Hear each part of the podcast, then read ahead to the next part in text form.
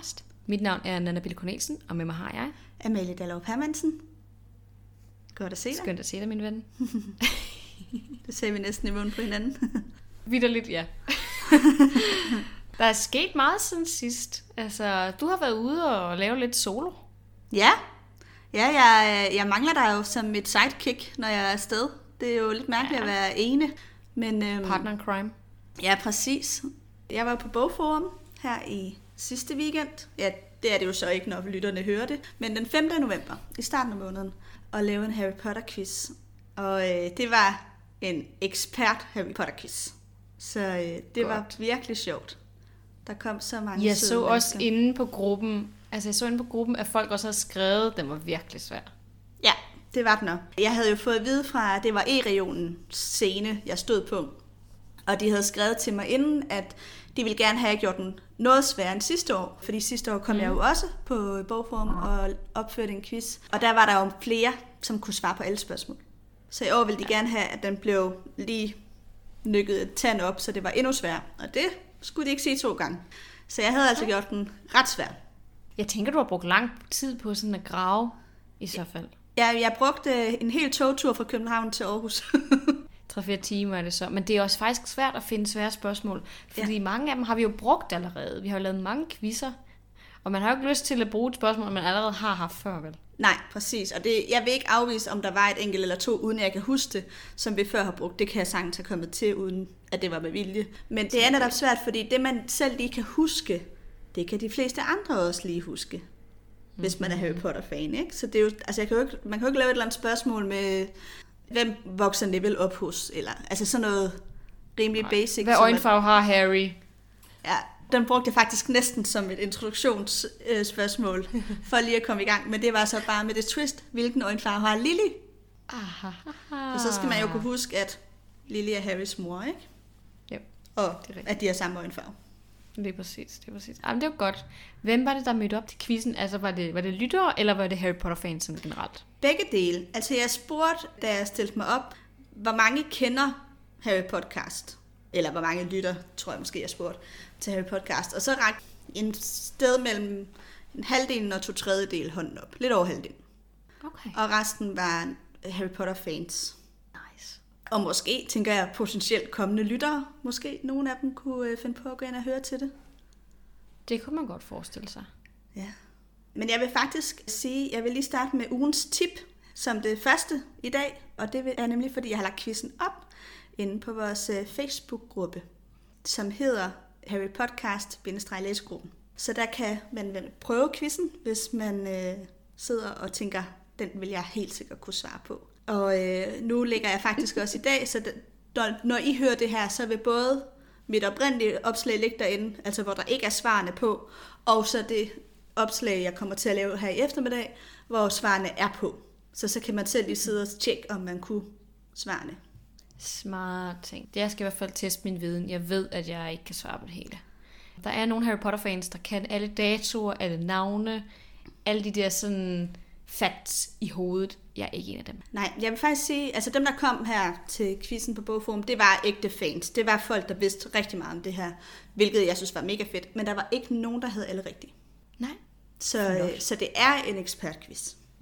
Altså, jeg mener flot, for, fordi du har lavet så høj, høj en sværhedsgrad. Det var det, du blev bedt om, ikke? Jo, Altså, Jeg normalt kom- er der altid en 6-7 stykker, der har alle rigtige. Præcis. Uanset hvornår det er, vi har lavet quizzen. præcis. Og jeg kom til at blive sådan helt overexcited og glad over, at der ikke var nogen, der kunne svare på det hele. Det var sådan lidt, lidt pinligt. Men det var bare fordi, jeg netop havde tænkt, nu havde jeg gjort så meget ud af at gøre det til en ekspertquiz, så det var faktisk fedt, at det rent faktisk var det. Ja. Det var godt, det var godt, fordi det er blevet sagt før, at vores quizzer har været for nemme. Ja, det har vi fået at vide nogle time. gange. Også af lyttere, når vi sådan har været ude øh, og optræde. Ja. Yes. Not this time. Ej, men det, det er jeg simpelthen så glad for at høre. Hvad var præmien? Hvad kunne man vinde? De illustrerede udgaver. Fedt. Mm. Og det vil jeg nu gerne have fundet. Ikke dårligt, ikke dårligt. Ja. Ja. Jamen, øhm, en lille note fra mig, inden ja. vi går videre. Det er overhovedet ikke sådan sjovt eller interessant. Men jeg sidder inde i et lille kontor, hvor der er sådan en øh, varmepumpe. Så en gang imellem, så kan det være, at den lige tænder. Og det kan jeg ikke gøre så meget ved. Så hvis okay. der kommer sådan, øh, så kommer sådan en lyd, så, så tager vi det bare med. det er bare sådan Og det er ikke, fordi du sidder og prutter. Nej, nu, nu tændte den lige. Okay. Så det kan være, det kommer med, og det kan være, det ikke kommer med. Det er ikke, fordi jeg så prutter, nej. Jeg synes ikke, det lyder som en prut. Det er bare sådan lidt white noise-agtigt. Okay. Det er bare sådan en rumlen i baggrunden. Ja, det er godt at vide, fordi så man kan vi- godt blive irriteret, synes jeg, når man hører podcast, hvis der er en eller anden lyd, man ikke rigtig kan gennemskue, hvad er. Ja, lige præcis, lige præcis. Men jeg tror, det er sådan forholdsvis sådan subtle. Så jeg, jeg håber ikke, at det er noget, der sådan dukker op på optagelsen. Men hvis det gør, så er I blevet advaret nu. Yes. Ja, jamen Men øh, skal altså- vi ikke bare hoppe ud i det? Jo, jeg tænkte også, skal vi ikke snakke om det, vi er her for at snakke om? Jo. ikke alt det sniksnak. Nej. Lige præcis.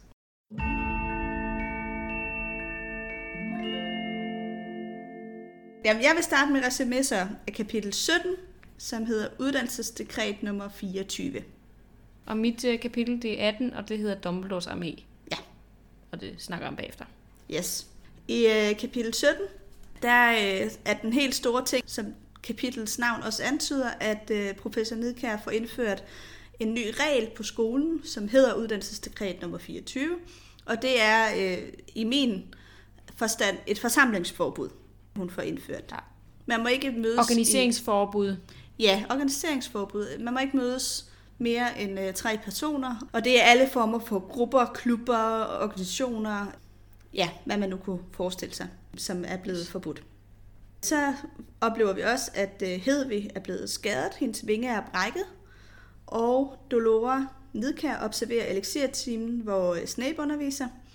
Det er i sig selv en ganske interessant oplevelse. Og øh, mm-hmm. så kommer Sirius på besøg i pejsen, hvor han er tæt på at blive opdaget af professor Nidkær. Det var en meget god opsummering i forhold til, at de, der skete så mange forskellige ting i de kapitel. Og så læste Ja. ja. jeg, hmm, Der, der er enormt mange scener, og også mange scener, som ikke er så øh, vigtige for plottet, men mere bare nogen, der skal til for, at vi kan komme videre-agtigt. Det er sådan nogle... Jeg tror, vi snakker om det nogle gange. Altså, det er ikke, jeg vil ikke kalde det et fyldkapitel. Det synes jeg er lidt groft alligevel. Det er ikke ligesom Dragen Norbert. Men, øh, men det er... vi er henne i et kapitel, hvor der ikke er så meget, der er spændende i forhold til plottet.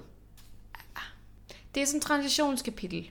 Det er Ja. for, at man skal ligesom videre til det næste vigtige, men man kan ikke bare hoppe fra den ene vigtige ting til den næste. Det giver ikke nogen mening med. Ja. I mit kapitel, der bliver det her forsamlingsforbud, at det bliver ikke ophævet, men øh, Quidditch-holdet får lov til at spille sammen igen, basically. Quidditch-teamkaptajnen, er det Angelina, Mm, ja. går til McGonagall og får ligesom advokeret for, at de kan få samles igen, fordi Nidkjær vil ligesom ikke give hende lov til at, at samle holdet, og de ender så med, at, at hun går til Dumbledore, virker det til, og de får lov til at, øhm, at samles igen. De får så også deres første træning, som er helt forfærdelig. I dårligt vejr, øh, det pisser bare ned, basically, i en hel time. Så det er ikke den store succes, og i forbindelse med det, der øh, mærker Harry sådan smerte i arret igen. Det vil være noget tid siden, han, han sidst har oplevet det. Det var sidst ved en eftersidning ved Nidkær, tror jeg. Og han fortæller ligesom Ron, at han, altså det, det, det er meget specielt. Han kan ligesom mærke Voldemorts følelser, at det her sker. Han øh, drømmer også om mm. den her lange gang samme aften, og så afbryder Dobby ham som midt i den her drøm, og kommer med Hedvig, som har fået fikset sin vinge. Og det er så, mens han står og snakker med Dobby, at øh, Dobby fortæller ham om fornødenhedsrummet, som så er der, hvor at Dumbledores armé har deres træningsstationer frem efter. Og vi ser så også den her første træning, første time, basically, i slutningen af mit kapitel. Mm. Ja, det er et mega fedt kapitel. Ja, det er det. Især fordi jeg kan virkelig godt lide fornødelsesrummet. Jeg kan godt lide sådan konceptet med, at det bare kan være alt. Mm. Uanset hvad du sådan har behov for, så kan det sådan stille dit behov. Om du skal tisse, om du øh, skal gemme dig for nogen, om du skal gemme et eller andet, som der ikke er nogen andre, der må finde. Hvis du vil have en snack, sikkert. Ej, måske ikke lige en snack, fordi der er den her regel med, med hensyn til mad og sådan noget. Ikke? Men det kan stille rigtig mange behov. Det synes jeg, det er ret fedt. Ja, helt sikkert. Det er ret interessant. Men jeg tror, du har ret i, at mad nok ikke vil være noget, det kunne fremskaffe. Nej. Som noget Men mindre der er nogen, der har puttet mad derind. Altså hvis der er nogen, der har lagt noget mad derind, Ja. så kan man nok godt få det. Men man kan ikke få mad ud af ingenting. Nej. Vi hører dog, at det kan producere rengøringsmidler. Ja. Eller Det er også er det også noget, nogen har sat ind på et tidspunkt. Det ved vi selvfølgelig ikke. Det er fordi Filch finder på et tidspunkt rengøringsmidler derinde. Ja, det er rigtigt. Det er rigtigt. Der er sådan et eller andet med, hvornår de her ting, hvornår man kan trylle noget ud af den blå luft, og hvornår man ikke kan. Der er sådan lidt specielt, fordi det er jo også, altså et rengøringsmiddel er jo også en væske, Det er jo det. som skal skabes ud af noget, og man kan godt drikke det. Det skal man nok lade være med. Men altså det er sådan, hvornår kan man fremtrylle noget ud af ingenting, hvornår kan man ikke. Ja. Der er jo også det her, sådan, det her rum, hvor der er gemt alle mulige ting ind i det. De gemte tingsrum, jeg kan ikke lige huske, hvad det hedder på dansk. Det er sådan the, hidden, the room, room of Hidden Things, tror jeg, den hedder på engelsk. Hvor vi også øh, finder det der Rowena Ravenclaw diadem i de senere bøger. Og dagen er der nogen, der har puttet en masse ting. Alle mulige ting, som man har prøvet på at gemme væk. Men er det for ikke også fornødenhedsrummet? Jo, jo, jo, jo. Det er sådan et af fornødenhedsrummets ansigter. Nå, man skal kalde okay, det. Det er bare- med. Ja. Det er ligesom det er bare en af de det kan udformninger, det kan være. Nemlig, det er en meget bedre måde at det på, end det, jeg kan tage. I dens udformninger, ja. Og der er jo folk, der har puttet alle mulige ting ind i det, så du kan tage ud af det. Så hvis du putter mad ind i rummet, et af dens mange rum, så er jeg sikker på, at den kan duplikere det, eller omskabe det her mad, sandsynligvis. Ja. Men det kræver måske nok, at der er nogen, der putter noget ind i det. Fordi øh, Harry, da de er inde i øh, fornødenhedsrummet til den her øvelsesteam, der kan han godt se det her store spejl, som har hængt ned i øh, den falske Dunners kontor. Ja. Så altså, det tyder på, at der er nogen, der har lagt det ind i det andet Mm. fornødenhedsrummet, ikke? Det er meget interessant, hvordan det lige fungerer. Ja, ja, jeg tænkte også netop, at nogen har lagt det ind i det der rum, hvor der ligger alle de der ting. The hidden room Præcis. of hidden things. Og det er derfor, det kan fremskaffe det for Harry. Så det er jo nok sådan, det fungerer, ikke? Altså, at alt det, det ligesom kan vise frem, det er noget, nogen har sat ind på et eller andet tidspunkt i historien. Det tror jeg. Og så alligevel, så er der så også et, et godt sådan skud af magi, fordi de der hønder og puder og sådan noget, der er derinde, det er sikkert noget, som det godt kan trylle frem af sig selv. Så der er nok nogle genstande, som bare sådan basic Hogwarts magi. Mm. Måske. De her hønder, de findes et eller andet sted på skolen, eller det er noget, som, som man bare sådan kan trylle frem ud af ingenting. Og så er der noget af det, der er lidt mere krævende, som bliver nødt til at være blevet lagt derind. Ja, måske. Jeg ved ikke, om det giver mening. Ja, Men jeg føler, ja. at der måske er sådan forskellige niveauer til magi, og, sådan, og hvad der skal til, hvor meget det kan gøre sig selv, og hvor meget der sådan, du ved, hvor meget det skal skabes nogle andre. Mm. Ja, jeg forstår godt, hvad du mener, fordi ellers så vil man også sige, jamen, hvad skulle sandsynligheden lige være for, at sådan noget som en fløjte, som Harry lige står op, skal bruge lige pludselig, er blevet lagt ind. Lige præcis. Det er en meget random ting tænker at også, lægge ind i et sådan rum. Jeg tænker også de der hønder. Ja, Altså sådan, hvem skulle have lagt en masse sådan bløde puder ind i det? yeah, det kunne Må godt ikke være det til er noget, det kan lave af sig selv? Ja, det er jo rigtigt. Det er jo rigtigt. Altså, jeg tænker bare sådan helt interiøret i rummet, det tror jeg, den kan lave lidt selv. Og så de genstande der inde i det, altså sådan bøgerne, spejlet, alle de ting, der gør det til et forsvar mod mørkets kræfter og klasseværelse. Det er noget, der allerede er inde i det der skrammelrum. Mm. Men sådan selve udformningen, de bløde puder, lysene op i loftet og de der ting, Ja, det tror jeg, det er noget, der kan skabes selv. ja, Giver det mening? ja, det giver mening, fordi vi lærer jo også om rummet, nu er vi allerede gået totalt ud i det rum, men vi lærer jo også om det rum, sorry, at det kan udvide sig og mindske sig. Altså, øh, for eksempel, øh, tror jeg, det er brødrene Weasley, der siger, at de har gemt sig i det en gang, hvor det var et kosteskab. Præcis. Så der har det jo været et mega lille rum, og vi får fornemmelsen nu af, at det er et kæmpe rum, som DA, Dumbledore som I, nu befinder sig i. Ikke? Ja. Så det har jo i hvert fald en eller anden materiel kompetence, hvis man kan kalde det, til selv at skabe ja. nogle ting også. Ja, ja. Jeg tror, det kan sådan ændre på rammen. Det kan ændre på rammen af, hvor stort rummet er, hvordan det er udformet med møbler og sådan mm. belysning. Er der, er der vinduer, er der ikke vinduer? Altså, hvordan sådan selve... Ja, hvordan rummet føles, hvordan rummet, sådan æstetikken af selve rummets udformning, og så de genstande, der er inde i rummet. Hvis man ser bort fra sådan møbler, som bare er der. Fløjte, bøger, det her fjendespejl. Det tror jeg, det er noget, der ligger inde i det der skrammelrum, som det så plukker fra det der skrammelrum. Mm. Forestil mig. Ja. Vi bliver nok ikke meget klogere end Nej, det her, men det er en interessant diskussion. ja, det er et mega spændende fænomen, vi nu bliver introduceret for i hvert fald. Og det her rum, det får jo ret stor betydning, både her i bog 5 for Dumbledore's Armé, men jo faktisk også ja. i bog 7, hvor hele, jamen, Dumbledore's Armé volume 2, har jeg lyst til at kalde dem, gemmer sig mm-hmm. under øh, Snapes styre på Hogwarts. Lige præcis, lige præcis. Jeg kommer også til at snakke mere om rummet, men nu var det lige så ja. oplagt, at det lidt mere Og faktisk også i bog 6, ikke? hvor Malfoy bruger det. Jo. Ja. Jo, jo, jo. Ja, det får stor betydning resten af bogserien nu. Ja. Det gør det. Men øhm, jeg tænker, vi hopper videre til magiske forbindelser. Ja, lad os gøre det.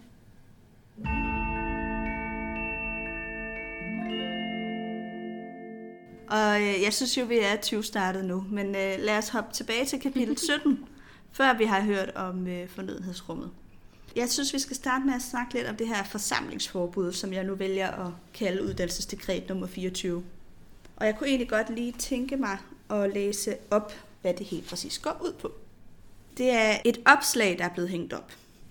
Og der står, efter ordre for Hogwarts Stor Inquisitor – forbydes med øjeblikkelig virkning samtlige organisationer, selskaber, hold, grupper og klubber. Organisationer, selskaber, hold, grupper og klubber defineres ved jævnlige møder mellem tre eller flere elever. Tilladelse til at gendanne disse sammenslutninger kan søges hos Inkvisitoren professor Nidkær. Ingen elevorganisationer, selskaber, hold, grupper eller klubber må eksistere uden Inkvisitorens viden og godkendelse. Elever, der gribes i at have dannet eller tilhører en sådan organisation, et selskab, et hold, en gruppe eller en klub, som ikke er godkendt af Storinkvisitoren, vil blive bortvist. Ovenstående regler udstedes i henhold til uddannelsesdekret nummer 24, underskrevet Dolor Nedkær, Storinkvisitor. Mm.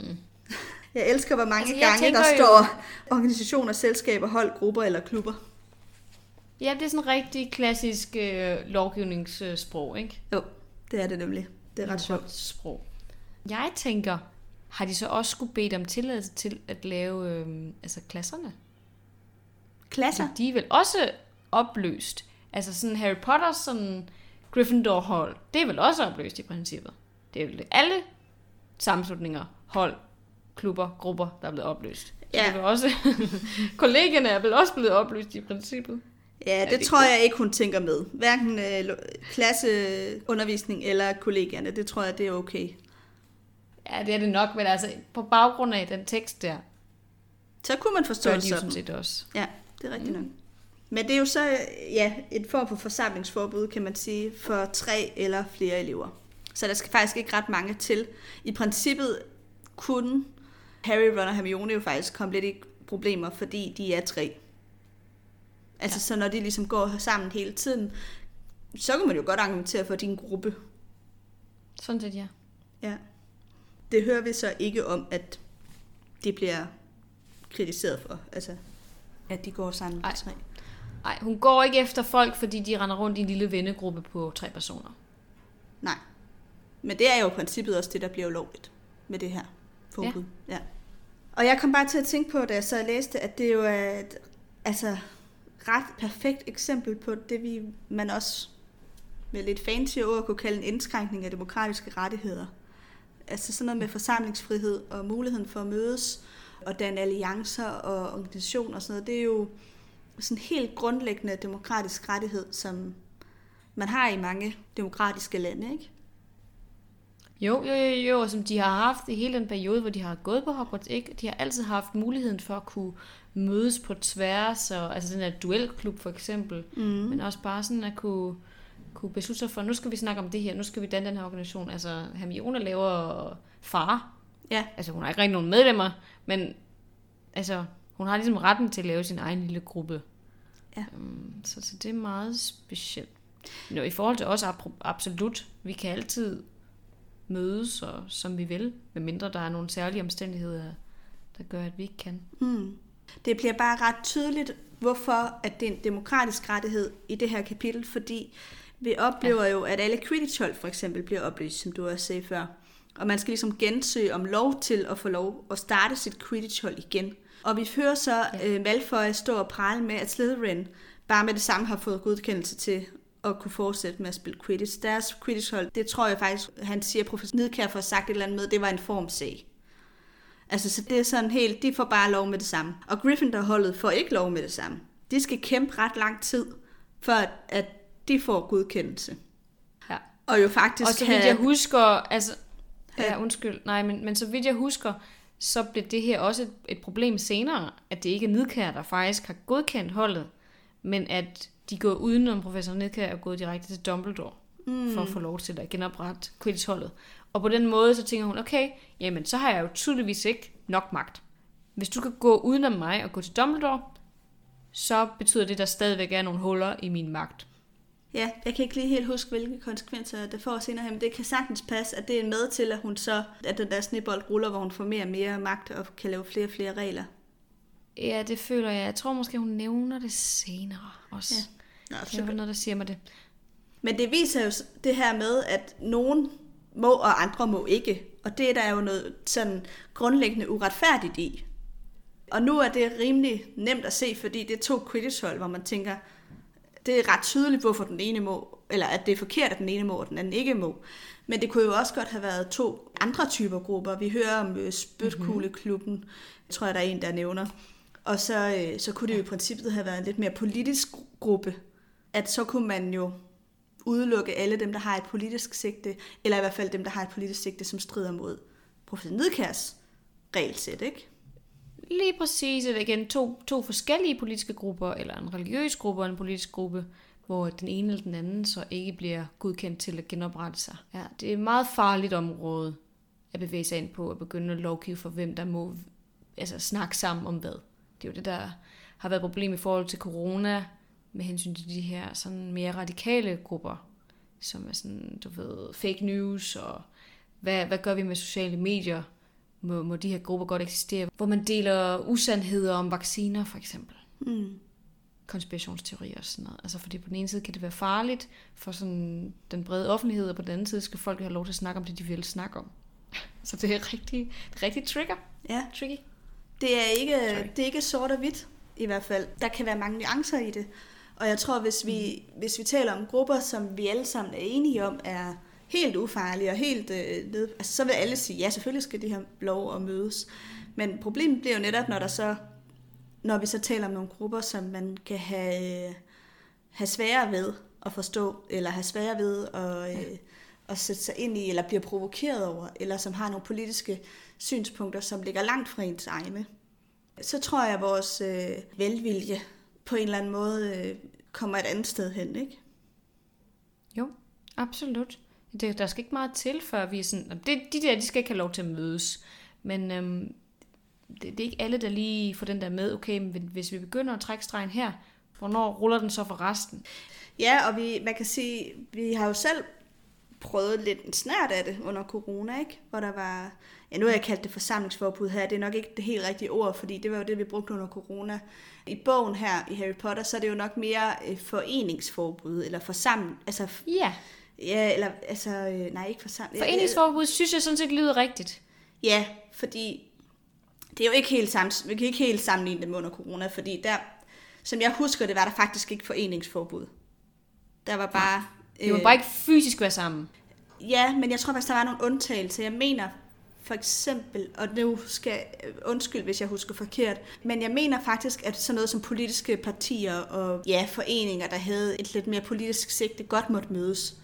Altså, selvom de var Virkelig? mere, men uden at jeg lige kan huske reglerne, men netop fordi man ikke vil hindre det, at uenige grupper kunne... Altså, men det, jeg kan ikke helt huske, mm. hvordan det egentlig var under corona.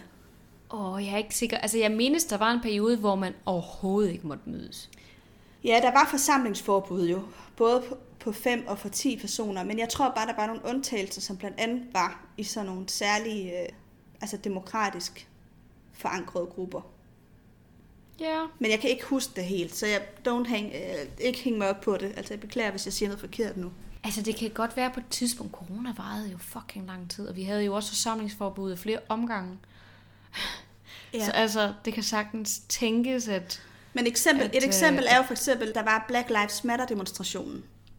Ja, Og det, det måtte man jo godt, fordi selvom der var mange mennesker, mange over det, som var tilladt ja, på det rigtigt. tidspunkt, men fordi det var et politisk demonstration. Det er rigtigt, men det, jeg føler også, at der var også noget med, at indenfor og udenfor, der var også, altså jeg kan godt huske, der var et tidspunkt, så måtte man kun være 500, så måtte man kun være 1000, og der var mange flere end det til Black Lives Matter demonstrationerne. Og det var helt sikkert fordi, at det havde et politisk sigte.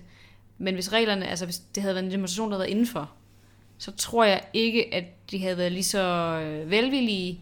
Forstår du, hvad jeg mener? Mm. Jeg tror også, det har noget med det at gøre, at det indenfor det udenfor. Ja. Det er heller ikke, fordi vi skal til at gå ned i det. Altså, jeg, jeg kan simpelthen ikke huske helt, hvad reglerne var. Og jeg har sikkert sagt noget forkert nu. Men i hvert fald... Tænk, at vi har glemt det, efter vi har gennemlevet alt det. Ja. Øj, Det er godt nok. ja. ja. Min pointe var nok også bare mere, at der havde vi i hvert fald en diskussion i samfundet under Ja. corona, også om det her med, hvor meget betyder vores demokratiske rettigheder, når der så er en sygdom, der står og banker på døren. Og det var der jo meget stor enighed om. Og det var noget, vi to også snakkede meget om, kan jeg huske. Især i starten af corona, hvor der, der var meget stor uenighed, kunne man ligesom læse i nyhederne, og, og også når man ligesom snakkede med folk ude i samfundet, ikke? at nogen de var meget sådan hurtige til at sige, fuck alle vores demokratiske rettigheder, det vigtigste er, at der ikke er nogen, der dør på grund af corona. Og andre var meget, meget bange for, at hvad nu, hvis vores demokratiske rettigheder bliver indskrænket, og vi lige pludselig ikke har muligheden for at, øh, at sige fra, eller øh, gøre oprør, eller sådan. Altså, det var der meget diskussion af, kan jeg huske. Det er Øhm, rigtigt. Men det var faktisk først efter, der var gået et par uger. Ja, det er altså, rigtigt. Jeg føler, at den første uge, de første to-tre uger, der var der meget sådan enstemmighed om, vi ved ikke, hvad det her er. Okay, der bliver lukket ned. Det føles lidt ubehageligt for os alle sammen. Men det er nok det rigtige at gøre. Fordi mm. der var ikke nogen af os, der havde prøvet det før. Altså, igen, der var hele den der, alle de der paralleller til 2. verdenskrig, som blev draget dengang, og, og man havde det meget, altså jeg kan selv huske, at jeg havde det meget underligt i de der dage. Det føles enormt surrealistisk, og vi var alle sammen sådan lidt, hvad fuck sker der? Men jeg kan nemlig godt huske, at vi snakkede om det, hvor, det var, hvor du og min, og min partner Daniel også var sådan, det er lidt underligt det her. Altså, at man bare kan sige, nu må folk ikke mødes, eller gå udenfor, bestemme, hvor folk skal opholde sig henne, og hvor de ikke må opholde sig. Det er en meget særlig situation, og jeg tror, der var rigtig mange danskere, der var sådan, okay, men nu har vi fået det at vide fra autoriteterne, så nu, nu skal vi bare følge de regler. Og det er ikke, fordi jeg siger, at det ikke var det rigtige, men vi var meget hurtige til bare at følge det, der blev sagt. Mm. Det var meget sådan enestående, ikke? Fordi det tror jeg ikke, folk havde, altså forskere havde gættet på, at vi ville ret ind på den måde. Når noget så vigtigt bliver taget fra os. I hvert fald der mening? i, i starten, ikke? Og så, så kom der lidt mere øh, diskussion og debat længere hen, som corona ligesom ja. kom. Ja. Og jeg vil gerne lige understrege, det var ikke fordi, jeg var imod, at man lukkede ned eller noget. Men det var, Nej. bare, Nej. Men det var bare en interessant samtale, synes jeg. Også dengang, det der med at opveje de der forskellige hensyn over for hinanden. Vores, vores demokrati og vores rettigheder, og så det her sundhedsfare, som vi lige pludselig stod i. Og jeg synes ikke, det hele var så sort-hvidt på det tidspunkt, som jeg tror, jeg oplevede, at nogen synes, det var. Debatten skal altid tages, og man skal aldrig føle, at det er det forkerte tidspunkt at tage den her samtale på, at åh, åh nej, nu er det hele så, så, så kritisk og op i det røde felt, at jeg vil ikke være den person, der siger, øh, skal vi måske lige sådan snakke om det? Fordi jeg tror, det var den, der manglede. Der var for meget konsensus, og jeg er også selv en person, der strider også lidt på mig, hvis, hvis jeg bare kommer ind i et rum, og man man bare kan se sådan en masse, der sidder og nikker, og man er sådan, Ja. hvorfor nikker I alle sammen? Ja. Hvad, hvad, hvad sker der lige her? Det synes jeg også er sådan lidt specielt. Absolut, der er ikke nogen af os to, der er coronafornægter på nogen måde. Nej, Altså, slet i ikke. Og jeg, det er, var det også det, der var det rigtige, tror jeg. Men det føltes mærkeligt, Ja, tror jeg. Ja, igen, jeg vil virkelig ikke lyde som en, der ikke øh, tror på corona eller coronaskeptiker eller noget overhovedet, og jeg har fulgt alle regler. Jeg, mm. Det er slet ikke det, altså. Men jeg, jeg er en type, som, og jeg tror også, jeg har sagt før, som nogle gange, som du også lige sagde det der, hvis alle bare er enige om noget, så kan jeg godt lide lidt at være lidt djævelens advokat, eller sådan sige, jamen, okay, kunne man se det på en anden måde, eller er vi nu sikre på det her, eller altså sådan, hvis jeg, hvis jeg fornemmer, at alle ligesom bare har en eller anden overbevisning, som er så gennemtrængende, Ukritisk. ukritisk så, så bliver jeg mere kritisk. Ja. Og det er sundt. Det er sundt at have den der fornuft og den der skepsis med, og så kan man snakke om det, og så kan man komme frem til sammen, det er den bedste løsning, det her. Men det der med bare at sige, nu, nu har vi bare ikke lov til at gå uden for vores egen dør. Nå, okay, men det er bare fint. Og så ikke stille spørgsmålstegn med, okay, hvor lang tid skal det lige vare? Er der en solnedgangsklausul? Hvornår er det okay igen, til vi kan komme ud og sådan noget? Ja. Og den kom også debatten. Men den kom senere, end jeg havde forventet. Mm. Der gik ret lang tid. Ja, det var specielt. Det var meget specielt. Jeg tror også, der bliver skrevet mange afhandlinger, mange bøger om den her periode i fremtiden. Ja. Jeg lavede mange analyser af, hvordan vi reagerede, og ja. Ja. Lad os håbe, vi aldrig kommer derhen igen. Og lad os gå tilbage til at snakke om uh, Harry Potter. Det var bare, jeg synes bare næsten, det var for oplagt ikke lige at drage en eller anden form for parallel, når nu lige det var det her kap- kapitel. Ikke? Men den, der i hvert fald siger fra her, eller som får red lights, eller hvad man skal sige, hvor det røde lys, det bare blinker, det er Hermione. Hun bliver faktisk ret bange for det her. Og også der, da Harrys Ule Hedvig har en brækket vinge, der er Hermione jo nærmest den første til at sige, der er nogen, der har opsnappet den ule. Hedvig kommer jo ikke til skade mm-hmm. normalt. Så Nej. der må være nogen, der har læst det brev. Og så... Også fordi Sirius er jo blevet, altså blevet fanget i dit kapitel. Han, ble, han er jo næsten ved at blive fanget af Nedkær. Så det, hun lægger to to sammen ret hurtigt og siger, det er ikke et tilfælde, at hun har vidst, at han var der. Og ja. Hedvig har en brækket vinge nu. Ja, det har han nemlig. Hermione siger det jo faktisk også inden, at de mødes med Sirius, så siger hun, fordi det hed vi har med, det er et brev fra Sirius, hvor der står samme tid, samme sted, eller et eller andet, vi mødes i aften. Mm-hmm. Og der siger Hermione jo, det kan jo være, at den, den her besked er blevet læst til nedkære nu. Det ved vi jo reelt ikke. Og så siger Harry, nej, men brevet var jo forsejlet, der er jo ikke nogen, der har læst det. Hvor Hermione så svarer, jamen, altså med magi kan man jo godt få det til at ligne, at det har været uåbnet. Og det har hun jo så tydeligvis ret i, fordi ellers, hvordan filen skulle nedkære så vide, at Sirius han vil komme den aften, ikke? Det, det er den eneste, altså den eneste fornuftige, Forklaring. eneste fornuftige svar, det er, at det hende har gjort det. Mm. Og, og jeg tror også, det der er så interessant ved alt det her med nedkær, nu hedder det uddannelsessekret 24, ikke? Hvordan hendes magt stille og roligt bliver større og større og større. Fordi så laver hun et dekret mere, så laver hun et dekret mere, et dekret mere. Og bygger hele tiden på, og de vender sig ligesom til den her nye normal. Og man kan sige, på et tidspunkt går de jo oprør og laver Dumbledore som med. Det er det, Hermione vælger at gøre, men det er altid Hermione, der, du ved, der sådan, er den der djævelens advokat, og sådan, der er et eller andet galt her, vi bliver nødt til at gøre noget modstand. Måske ikke direkte modstand in her face, men vi bliver nødt til at gøre et eller andet, fordi det her, det er præcis det forkerte, den forkerte reaktion på, at Voldemort er ved at komme tilbage. Mm. Det er det, vi ikke skal gøre. Men hun bliver også bange, Hermione, ikke? Og hun bliver bange for, er det nu det rigtige, vi er i gang med her? Men det er på grund af Sirius. Det er på grund af, ja, det, det er jo faktisk, det, det er jo også sådan lidt sjovt, eller sådan pudsigt. Fordi Sirius, han siger jo til dem, at det er godt, I laver modstand, det er godt, I laver den her gruppe, og lærer at forsvare jer selv. Og da det så ligesom øh, har lagt på, havde han sagt, siger, har sagt farvel til Sirius, så i tale sætter ham Jonsen, okay, hvis han synes, det er så god idé, en idé, er vi så sikre på, at det er en god idé. Lige præcis. Hun er, bliver meget sådan tvivlende, og, og siger også, okay, han er jo blevet mere sådan urolig, udfarende, jeg ved ikke, hvad man skal kalde det, men mere utilpas, efter han har været fanget inde i Grimmauld Place, hvad mm. hedder det nu på dansk? Grumsted Plads. Efter han er blevet lukket inde der, der er han bare blevet mere og mere, ja, som sådan et vildt dyr, der er lukket inde, basically. Han vil bare så gerne ud, og han søger virkelig den der spænding, og den måde, han kan få den spænding på, det er gennem dem. Hun siger også, okay, tror du ikke, at hvis det var ham, så ville han elske at have lavet sådan en hemmelig klub under næsen på sådan en ministerie, Mm. ministerietype som, øhm, som nedkær. Hvor de andre, de sidder sådan lidt, ej, hvad snakker du om? Han har altid givet os gode råd, han vil også det bedste, og han ved dem jo også det bedste. Men han er bare, altså han er virkelig risikovillig. Ja. Det er et godt ord til at beskrive ham. Han er meget risikovillig. Og han er også et øh, risikosøgende. Ja. Han nyder faren. Altså Ja. han synes, det er fedt, at det bliver lidt spændende. Han har ikke rigtig, sådan hans, hans barometer for, hvornår er noget farligt, er blevet lidt ødelagt Mm. af, at han har været inde i Azkaban, og af, at han har været på flugt. Så han, han tænker, de, det der er risici for, for dem, og for ham, det er lige, det er det samme. Altså det kan de godt håndtere. De kan godt håndtere at lave sådan noget her. Det er ikke noget problem. Og man kan sige, der er jo ikke nogen af dem, der dør af det. Så galt går det jo heller ikke. Det kan vi jo godt spoile, at, at det ikke lige er den her klub, der gør, at altså, de blev jo ikke engang smidt ud, men det var fordi, at Nedkær, hun, hun blev jo kuppet, basically.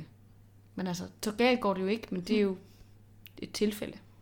Ja, man kan sige, Molly Weasley er jo tydeligvis ret bekymret og vil gerne have, at de stopper den her klub. Og øh, Sirius overbringer en besked fra hende om, at de skal holde inde med deres aktiviteter. Og så underminerer han hende bagefter fuldstændig ved at sige, men jeg synes, det er en skide god idé. Så øh, han er ikke øh, tro mod hendes opfordring i hvert fald. Nej, det er han ikke, det er han ikke. Og Ron og, og Harry, de siger jo også, at du lyder som Molly. Altså, da hun kommer med den her tvivl og siger, jeg tror, det er en god idé. Nu lyder du som Rons mor. Mm. Altså, og det er jo det, man ikke vil. Ja, Molly Weasley bliver ligesom fremhævet som sådan en, man ikke gider at være. Og det synes jeg også er lidt synd, fordi i virkeligheden er hun bare bekymret. Altså, hun er jo ikke ja. Dum, eller øh, vil dem noget dårligt, eller noget. Tværtimod, hun er enormt bekymret for, at der skal ske dem noget. Og er nok måske næsten som en af de eneste, vil jeg sige, en voksen, der er meget bevidst om, at hun er voksen, og de er børn. Ja. De skal ikke påtage sig et ansvar for nu at skal redde hele verden, som de Nej. gør, og som andre voksne pådutter dem. Her tænker jeg på Dumbledore. Men øh, altså, så, så jeg synes faktisk, det er sådan lidt øh, synd, at, man, at hun er blevet sådan en karakter, som er den irriterende, kontrollerende type, som ingen gider være. Ja, det er rigtigt. Det er rigtigt. Altså, og man kan sige, hvis de, hvis de gør, som Molly vil have, og så ligesom dukker hovederne i hele det her skoleår, og ikke gør noget, de ikke må, så havde, altså Nedgær havde ikke søgt lige så meget magt. De havde ikke lavet den her gruppe, og der havde så sandsynligvis heller ikke været noget behov for at, øhm, du ved, komme ind i Ministeriet for Magi, fordi at de ville ret hurtigt kunne finde ud af det her med, at, det Sirius han ikke er fanget derinde. Altså, jeg tror ikke, de ting, der sker, ville være sket, hvis ikke de havde selv eskaleret det. Men hvorfor, hvorfor altså det med Sirius, det er jo fordi Kreds siger, at Sirius er derinde. Og Harry ser det i ja, et syn. ja, men altså, det er jo også fordi, at altså, de blev jo også fanget. Ikke? De blev jo fanget af en nidkær. Og så, øhm, så vidt jeg husker, så kommer Snape ind, og så råber han noget til Snape om, ah, køder er fanget, eller eller andet. Han har køder, eller sådan noget. Men hvis de ikke var blevet fanget af nidkær, så kunne han jo bare snakke på Snape. Eller han kunne snakke med. McGonagall. Altså, han kunne ligesom have gået til en af de lærere, han, han ellers ville have haft, du ved, Hmm. haft mulighed for at snakke med. Det, det har de jo bare ikke, fordi de bliver holdt fanget af nidkær i den situation. Det er rigtigt. Men her vil jeg så igen være djævelens advokat og sige, at de kunne også være blevet fanget af andre grunde. Ja, det er rigtigt. Jeg synes ikke, det er Dumbledore som er, der er grund til, at det sker. Men det er rigtigt, Nej, nej. at det er med til at eskalere situationen med Udkær. Det er det, fordi hun ved godt, at der sker et eller andet. Ja.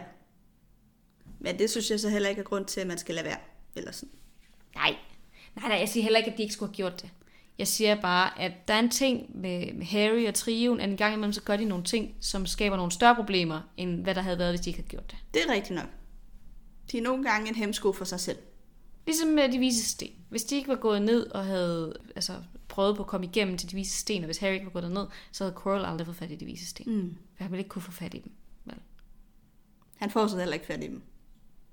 Men, Nej, det gør han heller ikke, men, men han havde Men ikke uanset hvad kunne få fat i den, fordi den, den ligger inde i det der, det der drømmespejl. Ja, det er rigtigt nok. Der var ikke nogen grund til at udsætte sig selv for fare i den situation i hvert fald. Nej. Og det det, de ved ikke altid lige, hvad, hvad Dumbledore har planlagt, eller du ved, hvad for nogle sådan forhindringer der er for de onde. Nej, det er rigtigt. Men de får heller ikke nok at vide. Altså, de ved, altså, der holder Dumbledore jo kortene tæt til kroppen. Og der er jo mange situationer, hvor hvis han havde spillet med åbne kort og havde informeret dem, så havde de nok handlet på en anden måde, hvis de havde haft alle facts på Ja. bordet. Sandt. Men øh, det var en, øh, en vej, vi lige gik ned af der. Et sidespor. Ja, ja endnu et. Det er sådan meget sådan... Endnu et. det er sådan en sidesporsepisode. ja, det går i alle mulige retninger. Nå, der er to sidste ting, jeg gerne lige vil hurtigt snakke om, som ikke er så store, men øh, dog alligevel bør nævnes i det her kapitel. Det ene, det er, at der er en situation, hvor Ron han forsøger at komme ind på pigernes sovesal, fordi han skal have fat i Hermione. Og så ændrer trappen sig til sådan en rutsjeplæne, eller sliske, eller hvad man skal kalde det, som han jo så glider ned af. Og Hermione hun kommer så ned til dem i opholdsstuen, og så er de sådan, hvad fanden, du har da været inde ved os mange gange, hvorfor kan vi ikke gå ind til dig? Hvor Hermione så også selv siger, jamen det er fordi, der er en gammeldags forestilling om, at drenge ikke kan styre at komme ind på pigernes sovesal. Og derfor øh, så er der den her magi over trappen op til pigernes sovesal. Og Hermione siger jo også, at det er en gammeldags forestilling. Men det må man så sige, det har hun ret i. Altså det er jo en gammeldags ja. Forestilling, men, men det er jo stadigvæk en forestilling, synes jeg, som er mange steder. Absolut. Det er jo også den, der for eksempel spiller ind i den her transdebat. Ja. Med toiletter. Med transkvinders adgang til kvindetoiletter, som de jo er kvinder. Det er den samme forestilling, der dukker op der. Ja. Så det er jo desværre ikke over den der idé om, at mændene ikke kan styre ja. sig, og nogle vilde bæster, som jeg synes er ser meget Ja. ned på mænd. Det er det da også absolut. Det er jo en sjov situation, der, der sker i bogen, mm. men, men det, den insinuerer, er mørkere, end, Ja, øh, præcis. end hvad den sådan lige kisser ud for at være. Ikke? Hvor hun er sådan, okay, så hvad, altså skal pigerne ligge og være bange for, at de bliver voldtaget eller hvad, hvis, hvis de ikke har den der rutsjebane? det er jo basically det, ikke? Jo. Eller at der er nogen, der kommer og lurer på dem eller sådan noget. Ja. Jeg gik på efterskole i 2008-2009, og min årgang var den første årgang på min efterskole, hvor at der var blandet køn på gangene. Aha. Det synes jeg er lidt vildt. Fedt nok. Altså, jeg gik op på efterskole. Jeg var på en, en pigegang. Nå, Vi okay. havde blandet, blandet gang Nå, så det var faktisk... Hvornår var det? samme år. Okay. Jamen, det siger jo bare noget om, at så længe siden er det jo ikke, at uh, man har haft den der... For... Altså, det er jo også et udtryk for en forestilling om, at man ikke kan finde ud af det, hvis kønnene er blandet. Ja, det er rigtigt. Og altså, de, skal, altså, de kommer også på min efterskole, der blandede de sig også uanset hvad. Altså, så om natten, så stak folk af for deres gang og kom ind på den anden gang. Så, altså, det gjorde ikke den store forskel. Ja. Ja. Ej, det er en meget gammeldags måde at se det på. Altså, og der er selvfølgelig en masse pu- pubertetsting og hormoner, der kører i de der år, men, men ikke desto mindre, så skal man også have tillid til, øh, til unge mennesker. Og især unge mænd. Mm. Ja. Præcis som du siger. Og en sidste ting, jeg lige vil fremhæve i det her kapitel, det er en situation, som vi faktisk ikke har nævnt endnu, men uh, Trelawney, spådomslæren, er de jo til undervisning hos. Og hun har tydeligvis haft uh, besøg af professor Nidgaard, det ser vi jo faktisk tidligere, men det har nu også haft konsekvenser, at professor Nidgaard ligesom har blandet sig. Og det er helt tydeligt, at der er blevet sagt ting fra professor Nidgaard til Trelawney, og måske også, at hendes stilling er sat på en eller anden måde lidt øh, i spil. Trelawney er i hvert fald på ingen måde sig selv, og hun går og er, er mega øh, sådan nemmest gråd, grådkvælt, men også vred. Altså sådan en blanding mellem at være ked af det, bange og vred, synes jeg, hun virker ja. som. Og, Hun virker eksplosiv. Ja, hun, hun er meget latent. Man kan sådan ligesom mærke, lige om lidt, så flipper hun. Og elevernes, jeg tror, det, er- der står her, det er Pa- Parvati Patel spørger ligesom stille og roligt, er der noget i vejen? I vejen, råbte professor Trelawney. Altså hun er meget, mm-hmm. ah, hun er lige ved at flippe fuldstændig, ikke? Og Hun er op og og- Altså, der, der er ikke nogen, der skal snakke til hende, før hun bare altså, flipper skråt. Præcis, altså hun kommer lige, nu kan jeg lige læse op, hvad hun så siger. Nej, det er der sandelig ikke. Jeg er måske nok blevet udsat for fornærmelser. Insinuationer er blevet fremført om min person.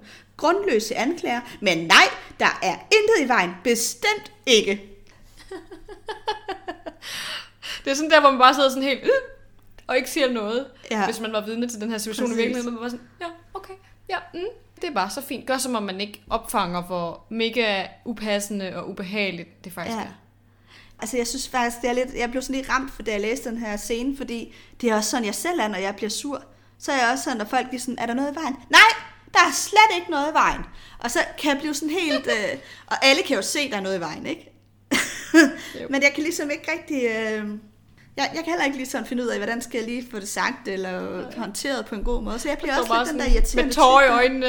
Ja. Ja. Jeg står bare sådan helt, nej, jeg har det bare helt fint. Jeg er helt Det okay. er bare helt okay. Ja. Ja. Ja, jeg har virkelig tit grædt og bare stået og sagt, alt er helt fint. Og det er sådan, tydeligvis ikke. Nej, og det er det der med, når man ikke lige har haft mulighed for sådan at fordøje det, der lige er sket. Altså, og det, er virke, det, det er nok ikke, fordi det er sket samme dag. Det er nok noget, der er, sådan, er sket i løbet af weekenden, eller aftenen inden, eller sådan noget, men hun har ikke haft mulighed for at fordøje endnu, hvad der er sket. Hun har ikke haft nogen at snakke med. Og det, det taler igen for, på Hogwarts, der var ikke nogen at snakke med. Der er ikke noget blik for det mentale, og sådan støtte, omsorg. Det kan godt være, at man lige bliver trukket ind, og når skal du have en, en, skal du have en, en biscuit, og så kan man lige sige, at det skal nok gå. Men det er ligesom også det. Mm. Harry han kan snakke med, sin, med, sin, med sine venner, Ron og Hermione. Trelawney, hun har ikke nogen at snakke med om det her. Hun har ikke nogen allierede, hun kan gå til. Det er måske også en del af den lidt britiske kultur. Altså sådan som jeg Ja. kender jeg. britter, så er det jo også lidt mere... Øhm, så er der mange ting, der er uudtalt. Sådan stiff upper lip. Man skal bare stå det igennem. Og så er der ikke nogen, der skal se, at du er svag eller sårbar. Ja, yeah. Jeg ved det ikke. Altså, det er jo også en fordom, men det er bare sådan, hvad jeg hører og ser, og også, jeg har, har også venner, der bor i Storbritannien. Og jeg kan jo også godt sådan, jeg kan jo godt høre, det er en lidt anden kultur, end det er her. Ja. Ja. Så, ja. Det kan godt være. Altså, der er også nogle personer, der bare er sådan, men i hvert fald det, vi ser på Hogwarts igen og igen, det er, at man, man snakker ikke om følelser. Du deler ikke, hvis noget er svært. Du vil hellere bare gøre som ingenting. Ja. Mm. Det, Det, det gør det svært at, at stå sådan noget her igennem. Gennemgående problem. Ud, at komme ud for noget. Ja, ja, det er svært. Det er svært, når man ikke har nogen at snakke med. Det går dårligt på arbejde. Det gør det jo for dårligt. Altså, jeg har da også prøvet det, det der med, at man, jeg har prøvet flere gange at blive opsagt inde på arbejde, og så bagefter så er man sådan helt, altså fuldstændig knust, og du skal bare ud af din arbejdsplads, så hurtigt som muligt. Og man vil ikke snakke med sin kollega, der er ikke nogen, der skal nå at snakke med en, inden at, at man ligesom er kommet ud, fordi så, så bryder det hele bare sammen, ikke? Det er virkelig ubehageligt. Mm. Man har lige brug for at samle sig. Og jeg føler lidt den samme. Hun står lidt i sådan en, okay, der er ikke nogen, der skal snakke til mig, fordi så begynder jeg bare at græde. Ja, ja. ja, en meget sårbar position, ikke? Eller ras. Jo, det er mega ubehageligt. Det er mega ubehageligt. Det er noget, de fleste kommer ud for på et eller andet tidspunkt, at man egentlig bare, du ved, har brug for at være alene, og så fordøje det, der er sket, men du kan ikke være alene, fordi du sidder måske på en bus, eller er inde på arbejde, eller hvad ved jeg, hvad end det kunne være. Mm. Det kan være nogen, der, der er blevet syge eller døde, og du så bare skal håndtere det, mens du sidder til møde. Så, what the fuck? Ja. Ja. Nå, men det var det, jeg havde til det her segment. Det blev meget, meget dybt igen. Ja, ja. og nu har jeg, sidder jeg bare, og det er typisk mig, jeg tænker, åh oh, nej, har jeg nu sagt et eller andet, folk bliver sure over med corona eller et eller andet, men altså, det, jeg håber, I Nej. ved, at øh, alt er ment godt. Jeg vil sige, det er meget typisk dig at tænke det. Det ja. ved alle. Det ved alle godt, at, det, at de forstår godt, hvad det er, vi mener. Jeg, jeg synes faktisk, altså det er sådan en kronisk ting for mig, når jeg, det er næsten hver dag, jeg kommer hjem fra arbejde, så er der et eller andet, jeg har sagt, hvor jeg tænker, åh oh, nej, nu håber jeg ikke, det blev misforstået, eller at det skulle jeg have sagt på en eller anden mm. måde, eller det kom forkert ud, eller sådan noget. Og det kan, samme kan jeg jo også nogle gange tænke i podcasten her, når vi har snakket sammen, mm. og vi har lagt på, og jeg prøver altid bare at finde ro i, ja, men så kan det godt være, at det kom forkert ud, men det kan folk nok godt håndtere. Altså, det skal jeg jo øve mig i at, at være i, og tro på, at, Absolut. at vi alle sammen godt forstår, at vi mener ting godt, ikke? Eller sådan, at man ikke bliver Jo, pålagt nogle intentioner, man ikke har. Ja. Det er jo klassisk overtænkning. Ja. det er der sikkert mange, der kan relatere Bedst. til. Det tror jeg. Det er også sådan, jeg kender dig. ja. Øh, ja, jeg er en overtænker. der har man nogle gange brug for nogen, der lige kan sådan berolige en og sige, det skal du ikke tænke videre over. Det er helt fint. Det var der ikke nogen, der tænkte noget mærkeligt med. Ja, eller også så skal jeg øve mig i ikke at have brug for det. Men øh, det er en helt anden snak. Min psykolog siger i hvert fald, Ja, Amalie, du skal simpelthen stoppe med at få den bekræftelse fra andre, den skal du finde i dig selv, ikke? Eller, eller det siger hun ikke på den måde, men det er, ligesom, det er det der med, at jeg selv også nogle gange skal prøve at analysere mig frem til, det er nok okay det her, i stedet for at skal bede andre om at fortælle mig, at okay. ja. Og det tror jeg, det er noget, vi alle sammen kunne lære noget af. Ja, Absolut. nu skal jeg jo heller ikke øh, Absolut. sætte ord i munden på hende, men øh, det er sådan ligesom det, jeg tager med. Ja. Nå, videre. Ja, det forstår jeg godt. Lad os få noget magi på bordet, og ikke alle de følelser. Ja, Det har vi slet ikke. Det, Det har vi slet ikke godt. tid til. Det er slet ikke den slags podcast. Det, det er vi bare ligeglade med sådan noget. Nej. Dumbledore er med. Og Dumbledore er med. Øh, det jeg vil jo ikke sige, at den er på pause i dit kapitel. Men sådan en lille smule. De, de kommer ikke så meget videre med det, og de, øh, de er bare sådan, vi skal ligesom gøre det her. How the fuck do we do this? Og så øhm, efter Quidditch-træning, og Harry han har skulle sidde og arbejde på sådan, sådan en stil til øh, Snape, fordi han har fucket op i sin elixir-team, så sidder han og falder i søvn nede i opholdsstuen, drømmer den her drøm med den her lange gang nede i ministeriet. eller er det en drøm? Og plus, eller er det en drøm? Jeg tror, det er sådan noget Voldemort-visualisering. Altså, jeg tror ikke, det er, fordi Voldemort er der. Jeg tror, det er, fordi han forestiller sig den Præcis. der gang. Ja. Han ser, hvad Men fald, Voldemort han ligger og drømmer. forestiller sig. Nemlig. Ja. Det er sådan, jeg forestiller mig det i hvert fald. Det er sådan, jeg forstår det. Men han ligger og får de her billeder af den her gang ind i hovedet, og lige pludselig så, så er der nogen, der siger, Harry Potter! Og så sådan, what the fuck? Så vågner han, er sådan lidt forvirret, fordi han har stadigvæk det der billede af døren ind i hovedet. Og så er Dobby der. Tada! Så står han med alle de her hatte, som Hermione har strikket, alle de her sokker og alt det her forskellige strik, hun har lavet. Og sådan, hey, her er jeg, jeg kommer med Hedvig, hun er blevet fikset, så det er bare mega dejligt. Og Harry han er sådan, hvorfor har du alt det her tøj på? Dobby er sådan, nej, ja, der er ikke rigtig nogen af husalferne længere, der vil komme op i Gryffindors opholdsstue, fordi at Hermione hun blev ved med at efterlade det her tøj. så det er bare mig, der tager alt det her tøj, og så er det mig, der går rent her. Ja. Men han er meget glad, fordi han har endelig ligesom fået mulighed for at sådan snakke med Harry igen. Det er lang tid siden, de har snakket sammen. Det må vel være i bog 3? Eller hvad? Åh, det De kan har jeg snart ikke snakket sammen hele den her bog, vel? Nej. Jeg tror ikke, jeg tror ikke Harry har set ham. Ja, undskyld, bog 3, bog 4 selvfølgelig. Så er Dobby der, og Harry han tænker sådan, okay, det er måske sådan lidt et long shot, men jeg leder jo faktisk efter et sted at have, altså have det her forsvar mod mørkets kræfter med Dumbledores armés øvelsessession. Vi skal finde et sted, hvor vi kan være. Han kan jo ikke tage dem med alle sammen op i Gryffindors opholdsstue, fordi de er jo ikke Gryffindor-elever. Så det fungerer jo ikke. Og så spørger han så Dobby, hvis du ved noget om det, altså kender du så et rum, hvor jeg kunne have de her 28 mennesker og undervise dem, uden der er nogen, der opdager det? Og tænker jeg sådan, det er long shot. Og med det samme, så er Dobby bare på den. Og sådan, jeg kender stedet. Det er meget heldigt, ikke? Ja. Øhm, han fortæller ham så om øh, fornødenhedsrummet, som han har brugt, når Winky øh, er blevet for fuld. Winky, det er jo øh, herr Krum. Nej, ikke herr Krum. Hvad hedder han nu? Har Barty Ferms tidligere husalf. Barty Ferm. Barty Ferm. Ja, ja, ja. hvorfor siger jeg krum? Barty Ferms tidligere usalg. Lige præcis. Ej, sorry, det er sådan en sløv lørdag i dag. Min hjerne, den, øh, den kan slet ikke komme op i gear. Men, men hun har jo stadigvæk et problem med alkohol. Ej, nu går det op for mig, de har da været nede i køkkenet. De har da været nede i køkkenet og se Winky. Og det gjorde de i starten af den her bog, efter de er kommet på Hogwarts, tror jeg. Så de har faktisk, han har faktisk set Dobby mm. tidligere i den her bog. My mistake, sorry. Men Winky har stadig problemer med alkohol, og han finder sig det her rum, når hun er sådan virkelig til gene for andre, og sådan skal have hende derinde og sove, og give hende nogle af de her sådan butterbeer elixir, der får hende til at stoppe med at være fuld. Altså basically giver hende antabus, husalfe antabus, og så putter han hende i seng. Og det er så det rum, han bruger, når det sker. Det går op for Harry, han faktisk har hørt om det før. Fordi året inden til den her juleball festmiddag, fortæller Dumbledore om øh, sådan et lille rum. Altså, han har været ude om natten og skulle tisse, og så har han gået forbi det her rum, og så lige pludselig har han sådan opdaget, at det bare er fyldt med natpotter. Så så basically det mest fantastiske toilet, du kan forestille dig, når du skal tisse midt om natten. Mm. Han sådan, okay, lægger to to sammen og tænker, okay, det må være det samme rum så. Fordi han har aldrig fundet det her rum, og Dumbledore fortalte også, at da han ledte efter rummet dagen efter, der var det væk. Mm. Men Dobby forklarer ham så, hvordan det hænger sammen, og det skal jeg nok komme mere ind i. Men det går også lidt op for mig i den her samtale mellem Dobby og Harry, at der er rigtig meget, der sådan er altså husalfeviden, men som troldmænd ikke kender til. Ja. Altså de har sådan deres egen visdom, deres egen kultur, som troldmændene ikke rigtig går op i, ikke rigtig bruger tid på. Jeg synes bare, det er meget interessant, fordi vi har ikke set husalfer være sammen i større grupper, udover her på Hogwarts. Så jeg kan vide, hvor meget sådan noget, de egentlig ved om skolen, og altså hvad de egentlig har sammen, som troldmændene bare ikke Jeg ved tror, eller går op i. øh, det er en underkendt øh, ressource af viden, som troldmændene går glip af her.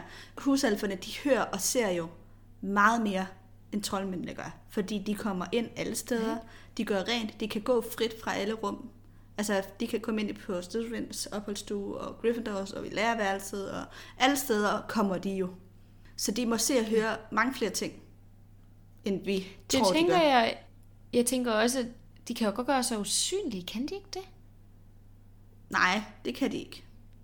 De kan ikke Kan de bare... ikke det? Nej, det kan de ikke, men de kan jo transferere sig ud og ind alle steder. Ja. Jeg tænker også, de ville sikkert nok godt kunne komme ned i hemmelighedens kammer. Altså hvis de Ja, ja, vidste, der var hemmelighedens kammer, Ja. ville de nok kunne komme derned. Det vil de kunne. Altså, de, De har- de har jo ikke de samme barriere for transferering, som troldmænd har. Så de kan jo komme ud og ind fra alle rum i hele verden. Ja. Uanset de har adgang til hele skolen, Ja. og der er, ikke nogen, der, der er ikke nogen, der går op i, at de har den her viden. Og samtidig så er der også, at har de måske 100 husalfer eller sådan noget. De dør jo også, og de giver den viden videre fra generation til generation til generation. Og det ved jeg, det gør eleverne også, det gør lærerne selvfølgelig også. Men der er bare mange flere, altså... Det er ikke, fordi der er mange flere husalfer, men jeg kan bare forestille mig, at der ligger virkelig meget viden dernede i køkkenerne hos dem, som der ikke er nogen, der rigtig opfanger. Ja, og så som du siger med kultur, som troldmændene ikke forstår, det er jo, at det har vi snakket om før, ikke med Hermiones FAR-gruppe eller forening, at hun har jo ikke forstået, at hun jo faktisk gør dem lidt en bjørnetjeneste ved at lægge alle de her huer og hatter ud, fordi nu har hun gjort mm. dem bange for at komme ind på Gryffindors opholdsstue, og Dobby skal nu lave alt arbejdet derinde. Og det er jo egentlig Faktisk, ja. ikke fedt, altså. Nej, hun har gjort det modsatte af det, hun egentlig ønskede at gøre. Øh. Men jeg, kom, jeg, jeg kommer også til at tænke på det i forhold til det, at de kalder det sådan come and go room, at de har deres egne termer for det her fornødenhedskammer. De kalder tingene andre ting, end troldmændene gør. De har måske endda deres helt eget sprog. Det ser vi aldrig, at de har, men det kunne da godt tænkes. Mm. Det synes jeg bare er meget spændende. Altså, der er meget, vi ikke ved om husalferne. Ja. Det kan ikke bare lige opføre mig i den her situation. Ja, Men dagen efter, der mødes de så i det her fornødensrum. Som sagt, så har Dobby ligesom instrueret Harry i, hvordan man gør. og Det vil jeg også fortælle lidt mere om. Og Hermione, hun foreslår så, at de vælger en leder og et navn til gruppen. Og det siger hun sådan set, altså også ret tydeligt, det er for ligesom at give Harry noget autoritet. Det er jo ham, der bliver valgt. Det er også ham, der skal vælges som leder. Det er det, de har snakket om hele tiden. Men det er ligesom for at stadfæste hans autoritet som lærer. Fordi Ja. yeah. ellers så kan man jo diskutere, om er han faktisk den bedste til lige præcis den her formular, ikke formular, besværgelse. Det gør ligesom det hele mere officielt, og får det mere til at virke som en undervisningsteam, end hvis de bare mødtes. Det samme med navnet, hvor hun også, altså, så skriver man det ligesom ned et sted, og så er det det, gruppen hedder. Mm. Apropos navnet, og jeg tror, jeg har nævnt det før, men som barn, der forstod jeg ikke Dumbledores armé, at det sådan betød Dumbledores her. Eller den armé, det er det samme som her. Den der apostrof, den fangede jeg ikke lige. Så jeg tænkte Dumbledores arme. At det var det, der menes. Jeg var sådan, hvorfor skal de hedde Dumbledores arme? Er det fordi, de sådan udfører det, Dumbledore gerne vil have? Eller, altså sådan meget abstrakt ikke? sådan, de, sådan, det, det er dem, der gør det, som han, de agerer på hans vegne. Som hans, ja. Du kan godt fange, hvad jeg mener. ikke? ja. Jeg tænker, jeg må ikke være det, være det eneste barn, der har haft svært ved at forstå ordet armé. Nej, det tror jeg, der er Men, mange, øh, der ikke har forstået. Og det er en meget sød Nu- historie. Nu ved jeg det i hvert fald. Dem, Ja. ja. der stadigvæk tænkt, arme, det er armé. Det er bare meget fint. Og det, er- det er faktisk en rigtig sådan fin scene dernede i fornødenhedsrummet. Det er sådan set op på 7. sal. Så det, det føles som om, det er nede i en kælder, men det er faktisk op på 7. sal. Harry han instruerer dem i øh, den første besværgelse, som de skal lære, og det er Expelliarmus, og de har haft den før, mange af dem, men de er ikke særlig øvet i det. Så de, til at starte med, der er der sådan lidt, uh, er det faktisk nødvendigt, at vi faktisk skal lære den her? Det har vi sgu da allerede gjort, og det er ikke sådan ret nemt.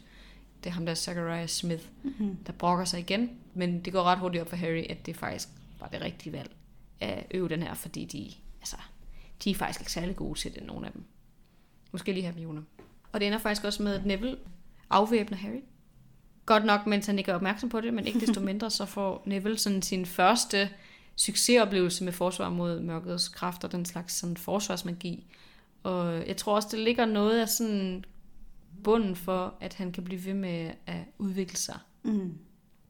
Også fordi, at Harry, han siger ikke til ham, "Ugh, det er jo kun fordi, at jeg ikke forsvarede mig, eller var opmærksom på, at du gjorde det, men, men han bliver ligesom bekræftet i, at han kan faktisk godt. Ja. Der sker helt klart noget for Neville i den her scene, ja. Han får sin første succesoplevelse og føler faktisk, at han kan finde ud af noget. Ja. Og det er nok det, han Det er sådan, generelt får fra Dumbledore som i. Det er den der følelse af Ja. at være noget og kunne noget, som han har savnet det, altid. det er opmundring. Altså i stedet for at få kritik hver eneste gang, der er noget, der går galt, så bliver man opmuntret for det, der faktisk går godt. Og det er det, han ikke rigtig får andre steder end i her herbologi, tror jeg. Ja. Plus han er her i et ligeværdigt fællesskab. Og det tror jeg, Neville han har haft brug for i mange år. Han har jo ikke haft et ligeværdigt fællesskab ja. med nogen før, og det er første gang, han har det. Plus han så oven i købet lykkes med noget i det fællesskab. Jeg synes faktisk, det er enormt smukt, når man lige tænker over det. Ikke bare den her scene, men generelt det, som Dumbledore med kan, og som fællesskaber kan generelt. Ikke? Det er det der med, at, at der kan man finde ligesindede og ligeværdige fællesskaber, som, som man kan vokse af. Nemlig. Og det er det, det, det, er gør. virkelig noget helt særligt. Det er noget helt særligt, og jeg glæder mig til at følge hans udvikling i løbet af det her år, det der sker for ham. Det er smukt at se. Ja. Den sidste ting, jeg lige vil sige om, øhm, om Dumbledore som med, det er også øh, Cho. Cho bliver jo nervøs, som Harry går rundt og observerer, hvordan de forskellige elever klarer sig, og gør det så ikke så godt, fordi hun, hun ikke at hun er utilpas omkring ham, men han, han, gør hende, han gør hende nervøs. Og hun fortæller ham så også, at øh, Marietta faktisk ikke havde lyst til at være der. Og hun faktisk bad Marietta om at komme, fordi at, øh, hun ikke havde lyst til at gå selv.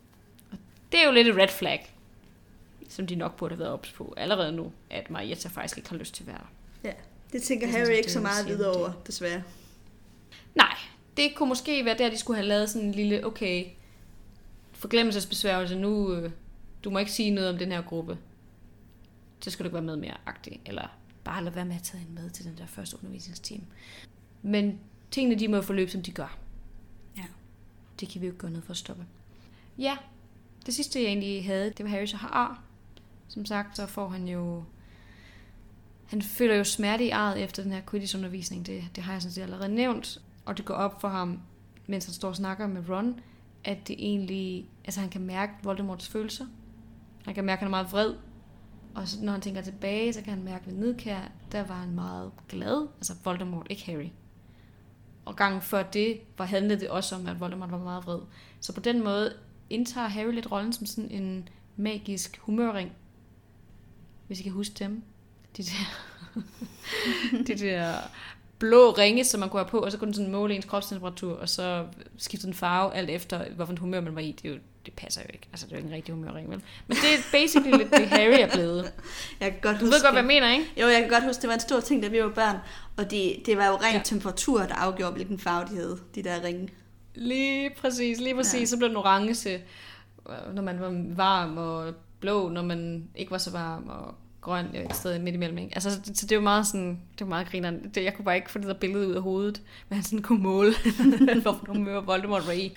Ja, det synes jeg var meget positivt. Jeg tror sådan set bare, det jeg vil sige med den her lille note, er, at han har været distraheret meget af det her med nidkær. Alt det drama, der har været på skolen. Og det går op for ham nu, okay, det der sker på skolen er faktisk ikke det vigtigste. Mm. Det er jo det, der ligger udenfor. Det er det, Voldemort har gang i. Det han ikke hører noget om. Fordi ordenen, Phoenix-ordenen, fortæller dem jo ikke, hvad Voldemort går og laver. De har jo ingen sådan intel om, hvordan det står til på, på den side af troldmandssamfundet. Mm. Og så er det, Det jo første jeg- gang, at vi hører om, at Harrys forbindelse til Voldemort er større end bare smerte. Altså, ja. det han før har kunne mærke, det er, at arret har gjort ondt, når Voldemort har været i nærheden. Og det er også derfor, Ron spørger, han bliver, Ron bliver helt forskrækket, siger, han, er- han er da ikke i nærheden af os, nu er han det. Og Harry, han, han kan faktisk skelne mellem det, og sige, nej, det er han ikke, det er noget andet, der er på spil. Og det går jo op for os som læsere, at det har Harry kunne i længere tid. Han har bare ikke, Ja, det er lige bare præcis. ikke rigtig kredset så meget om det, vel? Nej.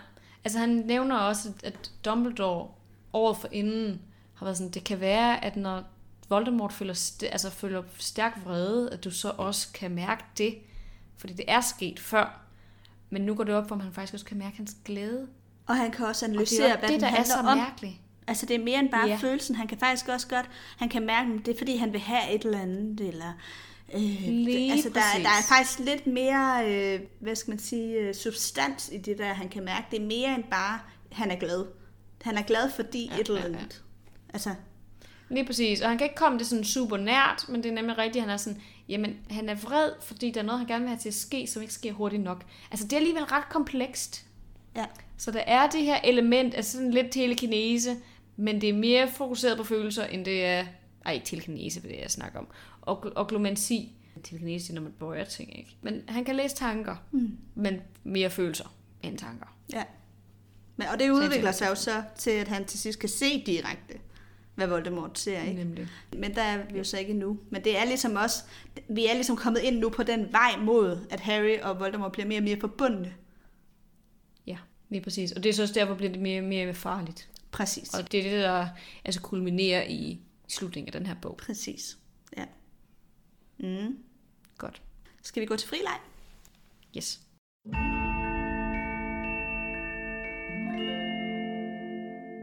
Ja, men jeg kunne faktisk godt lige tænke mig at nævne nogle af de andre ting, som øh, Dolores får indført, mens hun er på skolen. Dolores. Lidkær.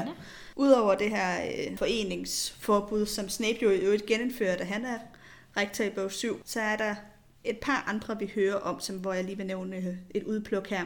Der er øh, dekret nummer 22, at ministeriet kan udpege professorer.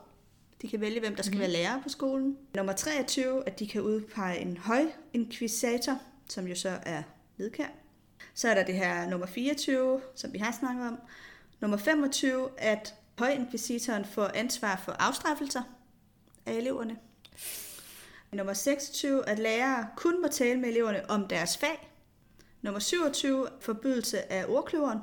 Nummer 28, Nidkær bliver hovedforstander, eller headmistress, eller rektor, eller hvad vi skal kalde det. Nummer 29, mm-hmm. indførelse af fysisk afstraffning. Og her menes der tilbage til gamle dage, som Filch fortæller om i bog 1, hvor han måtte hænge ja. eleverne op i anklerne og sådan noget. Det når ikke at ske. Men i hvert fald med snidkær er der. Og det bliver Nej. selvfølgelig ikke udført, så længe hun ikke er der. Nej, men hun er tæt på. Det er tæt på. Hvilken af de her øh, synes du er værst?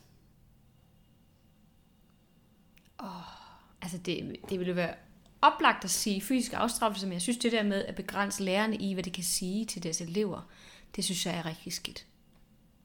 Ja. Det er rigtig, rigtig farligt. Man kan sige, i forening af de her ret vilde. Hver for sig er der nogle af dem, hvor man tænker, nå, okay, ja, de kan læse ordkløveren, okay, det er måske ikke så skidt. Men det er jo faktisk ret skidt i forhold til, at de ikke kan... Fordi ordkløveren er jo den eneste presse, som faktisk er kritisk over for styret. Ikke? Det er totalt censur. Altså det er censur på alle punkter, sådan set. Lærerne må ikke snakke om det, de gerne vil. Pressen er ikke fri. Eleverne må ikke gå sammen i grupper og snakke. Og hvis man gør, så bliver man straffet. Altså ja. det er med frygt for fysisk at blive straffet. Ikke? Og ministeriet kan udpege professorer, som jo så kan indoktrinere eleverne efter den overbevisning, ministeriet vil have, de skal have. Og sådan. Altså, der er faktisk nogle ret indgribende mm. ting imellem dem, hvor hver for sig, ved, så kan det godt være, at man kan tænke, nå, ja, okay. Men i forening, så bliver det ret vildt. Ja. Det bliver sådan en diktaturstat, ja, basically. mere og mere, ja. Nå. Det var bare, øh, det kan man jo også lige tænke over, hvad man selv synes vil være værst. Spændende. Jamen, der er en lang liste med dekreter. Ja, øh, men ikke dem alle sammen op, eller kommer ja, der flere? Jeg tror ikke, at vi hører om flere i bogen, og det kan godt være, at jeg ikke lige kan huske. Det er fordi, det var dem, jeg lige kunne finde og huske. I filmen er der jo sindssygt mange, der bliver hængt op på den her. Ja. Der ser man sådan en væg fuld af dekreter. Det er en filmting. Så mange er der ikke i bogen. Okay. Men det var dem, jeg lige kunne huske og finde, som er i bogen. Okay, fair nok. Men det er også godt at vide, fordi jeg havde nemlig også det her billede at der bare er sådan 50 dekreter. Ja, det er der ikke. Men der kan godt være nogen, jeg ikke har taget med her, som jeg ikke kunne finde eller huske. Okay. Så det, jeg vil ikke udelukke Spændende. det. Men der er slet ikke de der mange, mange hundrede, som der er i filmen. Det giver mening. Men det er meget omfattende. Altså uanset hvad, så det er altså nogle vidtrækkende ting, som hun får indført. Ja, det er som, det. Altså igen, summen af dem er virkelig, det ender i et ubehageligt resultat. Ret indgribende. Som netop ja. er sådan, sådan en diktaturstat. Det, altså en skole, hvor at man vidderligt ikke har lov til noget som helst, ja. der falder uden for normen, vel? Jeg vil snakke lidt om fornødensrummet, som jeg nu har teaset for flere gange. Men altså, det er jo, når man ligesom har organiseret sig på en måde, så skal man jo også holde ved det. Nu ved jeg, at vi allerede har snakket lidt om, hvordan det fungerer, men øhm, ikke desto mindre. Det er jo et magisk rum, som der ikke er mange på skolen, der kender til. Vi ved ikke, hvem der kender det, og hvem der ikke. Altså, vi ved godt, hvem der kender det, som vi har hørt fra i bogen, men vi ved ikke, hvor mange der ikke kender det. Vi må antage, at der er nogen, der er faldet over det i løbet af tiden, elever. For George fortæller selv, at de har fundet et kurseskab, som bliver gemt sig inde i. Men der er nok mange, der er sådan stødt mm. på det, og som så aldrig har kunne finde det igen. Fordi man kommer nemlig hen til rummet på sådan en helt særlig måde. Man skal gå frem og tilbage på den her mur tre gange, mens man tænker på det, man virkelig har brug for. Det kan være, at man har brug for et skjulested. Det kan være, at man har brug for et toilet. Det kan være, at man har brug for et sted at gemme sin øh, fuldvand. Så der kan være mange muligheder der. Og jeg synes, det er meget sjovt, og det er også noget af det, der, der fortæller noget om J.K. Rowlings forskningsevne, er, at det bliver beskrevet, hvordan det hænger over for det her, den her store gobelin med en troldmand, der prøver på at få trolde til at uh, lære at danse ballet. jeg kan bare ikke lade være med sådan at grine af det der, den der gobelin. Og sådan tanken om, hvordan det må have set ud. Men uh, hun, har en, hun har en helt særlig evne for uh, ja, at sådan udsmykke sin verden, eller hvad man skal ja, kalde det. Ikke? de der fede små detaljer. Lige præcis, lige præcis. Men ting er også med det her rum, at andre kan godt komme ind i det, mens du er inde i det, hvis de kan gætte, hvad det er, du laver derinde. Altså hvis de ved, du er derinde, fordi du mødes i den her øh, gruppe, Dumbledore som med, Dumbledore som med mødes derinde for at træne. Hvis de ved, du er derinde i det øjeblik, og med det her formål, så kan de også komme ind. Så man skal være så specifik som overhovedet muligt i sin øhm, forspørgsel til rummet. Du skal virkelig altså, prøve at gøre det svært for dem, der står udenfor at komme ind. Det er lidt ligesom at lave en, et password. Ikke? Du skal ikke gøre passwordet for nemt. Hvis det er alt for simpelt, 1, 2, 3, 4, så kan folk nok godt gætte, at det er 1, 2, 3, 4. Mm. Så det handler om at være meget specifik. Noget andet, der også er interessant ved rummet, det er, at det dukker ikke op på røverkortet. Nej, det er rigtigt. Så ja, Harry har aldrig set det på røverkortet, og han kan heller ikke finde det på røverkortet nu her. Og det kan være fordi, at øh, marodørerne ikke har vidst, at rummet fandtes. Men det kan også være, at det er fordi, det er unplottable. Altså det er, det er sådan en lokation, som ikke kan findes på et kort. Jeg tror, det er fordi, de ikke har kendt til rummet, marodørerne. Det håber jeg også lidt, fordi jeg synes, det er sjovere, hvis de ikke altså, har kendt hele Hogwarts. Og man kan sige, der hvor de har haft fokus, det har været uden for skolen. Ikke? De har ikke haft fokus på det, der var inden for skolens mure, føler jeg. Nej, de har jo også haft mere fokus på udgangen, ikke? Jo. Ja. Hvordan kunne man stikke af? Hvad er der ude i den forbudte skov? Hvad er der ude ved Hogsmeade og sådan noget, som kan være interessant, ikke? Men nu har jeg jo nævnt altså, et par episoder, hvor folk har fundet rummet. Efter sine har Dumbledore også fundet drømmespejlet inde i det her rum, så han lader til at vide, at fornødenhedsrummet findes, og hvad det er. Ja, Dumbledore. Ja. Ja, ja. Der var nogen, der sagde, at det, der ikke er nogen, der sådan rigtig kender dets funktion, men Dumbledore ved det godt. Ja, jeg er helt sikker på, at Dumbledore kender alt til det rum. Og sikkert bruger det også. Ja. Jeg tror heller ikke, Det er er, tilfældigt, altså at han igen- fortæller Harry om det. Nej, man fortæller ikke Harry om det, han fortæller faktisk Karkaroff om det. Nå, okay, så det er ikke Harry. Han, Harry hører det bare. Nej, han sidder til den her julemiddag, og så fortæller han Karkaroff om, at, at han var ude og sk- skulle ud tisse om natten, og så har han fundet det her rum fyldt med natpotter, eller sådan et eller andet retning. Okay. Så det vidste ikke... Altså, jeg tror, Harry har siddet i en, i en sådan større samtale, hvor det er blevet nævnt, men jeg tror ikke, at Dumbledore har sagt det direkte til Harry. Okay. Altså, han har ikke været sådan, bare lige så ved det. Der er sådan et eller andet rum med en masse natpotter. Men altså, jeg tænker jo også, altså, vi, vi hører, at uh, Dunners uh, fjendespejl og nogle andre uh, af de ting, vi har hørt om, stod ind på hans kontor, den falske Dunner, Ja. det er lige pludselig inde i det her uh, modstandsrum. Ja. Det er det jo, fordi nogen har sat det op i fornødenhedsrummet, og det kan jeg næsten ikke forestille mig, at være andre end Dumbledore, der har gjort det. Nej, det er det mest sandsynlige. Der var bare nogle steder på nettet, hvor folk de altså skrev, okay, det virker usandsynligt, at Dumbledore kender til det, men samtidig så virker det også til, at han har fundet drømmespejlet inde i det her fornødenhedsrum. Og det så vil jeg- jo også give mening, at det var der, det stod, det. indtil han så tager det ud, ikke? Jo. Jeg tror, det er det, der er sket lige præcis. Voldemort har tydeligvis også kendt til det. Det har fordi han. han gemmer øh, Rowena Ravenclaws diadem derinde. Mm. Og han har nok også brugt det til andre ting i løbet af sin, øh, sin skoletid. Ja. Malfoy, han lærer nok øh, om rummet gennem Voldemort. Altså jeg ved godt, at de jo finder Dumbledore som med ind i det her rum, men jeg tror ikke, de nødvendigvis forstår, hvordan det fungerer. Jeg tror, jo, jeg tror faktisk, at Malfoy han øh, lærer, hvordan det der rum fungerer. Jeg mener ikke, at det er noget, han hører fra Voldemort. Jeg er ret sikker på, at han selv undersøger det og finder ud af rummets okay. funktion. Og så bliver han jo inspireret til at bruge det på den måde, Ja. som Dumbledore som ikke gjorde det før med at gemme ting, eller sådan holde noget skjult derinde i hvert fald. Ja. Det kan godt tænkes. Det kan godt tænkes. Det kan godt være, fordi det er Marietta, der afslører rummet, hvordan det bruges til, så, så han også ved det. Der var nogen, der havde sagt, at det kunne være på grund af Voldemort. Men, øhm, Ja, det tror jeg ikke. Jeg, Jeg synes, tror ikke, Voldemort to har talt med ham om det. Altså, jeg tror, Voldemort han har jo ligesom givet ham opgaven, du skal slå Dumbledore ihjel, og så må du selv Ja, finde ud af, hvordan du gør det. Det er også sandt. Jeg tror faktisk, du har ret i, at det, det kommer gennem altså inspirationen fra Dumbledore som en. Ja. Trelawney ved, vi bruger det til at gemme sine sherryflasker i. Fordi hun nævner nemlig i bog 6, at der er nogen, der smider hende ud af rummet, da hun er derinde for ligesom at gemme de her sherryflasker. Og det er så Malfoy, Mm. der sådan bliver vred over, hun er derinde, og så smider hende ud. Hun ved ikke, at det er ham. Men hun bliver sådan helt forfjamsket. Og så bruger Dumbledore som det selvfølgelig til i. Og der kan jo findes mange spændende ting inde i det her rum. Mm. Blandt andet så nævner Harry på et senere tidspunkt, jeg tror, han har jo ikke været inde i det her sådan skrammelrum før. Der, hvor alle tingene ligger. Han har kun været, i, været inde i det, mens det har været Dumbledores øh, armés klasselokale. Altså indtil videre. Men øhm, der skulle blandt andet være skelettet af sådan et fembenet dyr. Mm. Hvilket lyder ret nasty. En blodig økse. Æggeskaller fra drageæg. En buste af en grim troldkarl. Selvfølgelig her hjem. Og så mange andre ting. Harry han putter også øh, halvblodsprinsens elixirbog ind i det her skrammelrum, da han er færdig med at bruge den, fordi han føler, at der er ikke nogen, der skal have adgang til det her. Mm. Og jeg sad og tænkte sådan over, okay, hvor, hvor kommer det her rum fra? Hvordan kan det være opstået? Det er meget specielt, der må være nogen, der har lavet det. Fordi Hogwarts er jo blevet bygget af nogen, ikke? Øhm, Altså, jeg kan jo starte med at spørge dig, hvad du tror, det kommer fra. Altså, jeg har et svar. Okay, så du har... Eller i hvert fald sådan cirka et svar. Det er et teorisvar, som jeg synes lyder meget godt. Okay. Altså, jeg vil jo tro, at det er noget, grundlæggerne er blevet enige om, skal være der. Med en tanke på, at eleverne skal kunne finde det, de har brug for, hvis de står i en særlig situation. Ja. Jeg synes, det er et rigtig godt bud, og det er også altså, næsten det samme som den her teori, men det er, at det skulle være Helena Hufflepuffs idé at okay. lave det her rum.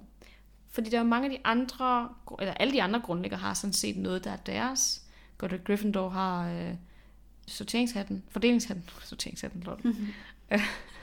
Rowena Ravenclaw, hun har de her trapper, der hele tiden skifter position. Mm. Salazar Slytherin, han har øhm, hemmelighedernes kammer. Og det her, det vil så være Helena Hufflepuffs. Den kan jeg godt lide, den teori. Ja, og også det der med, at hun ligesom har det der mindset på, dem, der har brug for det, de skal kunne finde det her rum, og så få stillet deres behov, hvad end det er. Ja, det vil være meget Hufflepuffsk. Det synes jeg. Jeg køber den i hvert fald. Ja. Ja. Altså, jeg, jeg, jeg synes, det virker meget fornuftigt, at den skulle, det skulle være noget, hun havde lavet. Måske uden de andre grundlæggere vidste det. Ja, hendes bidrag til skolen. Den kan jeg godt lide, den teori, ja. Det er jeg glad for. Så er den købt herfra. Ja. Fedt. godt.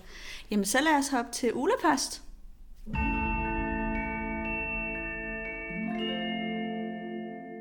Jeg har taget øh, lidt med til os i dag her, og øh, jeg starter med at læse op fra en, der kalder sig Anna.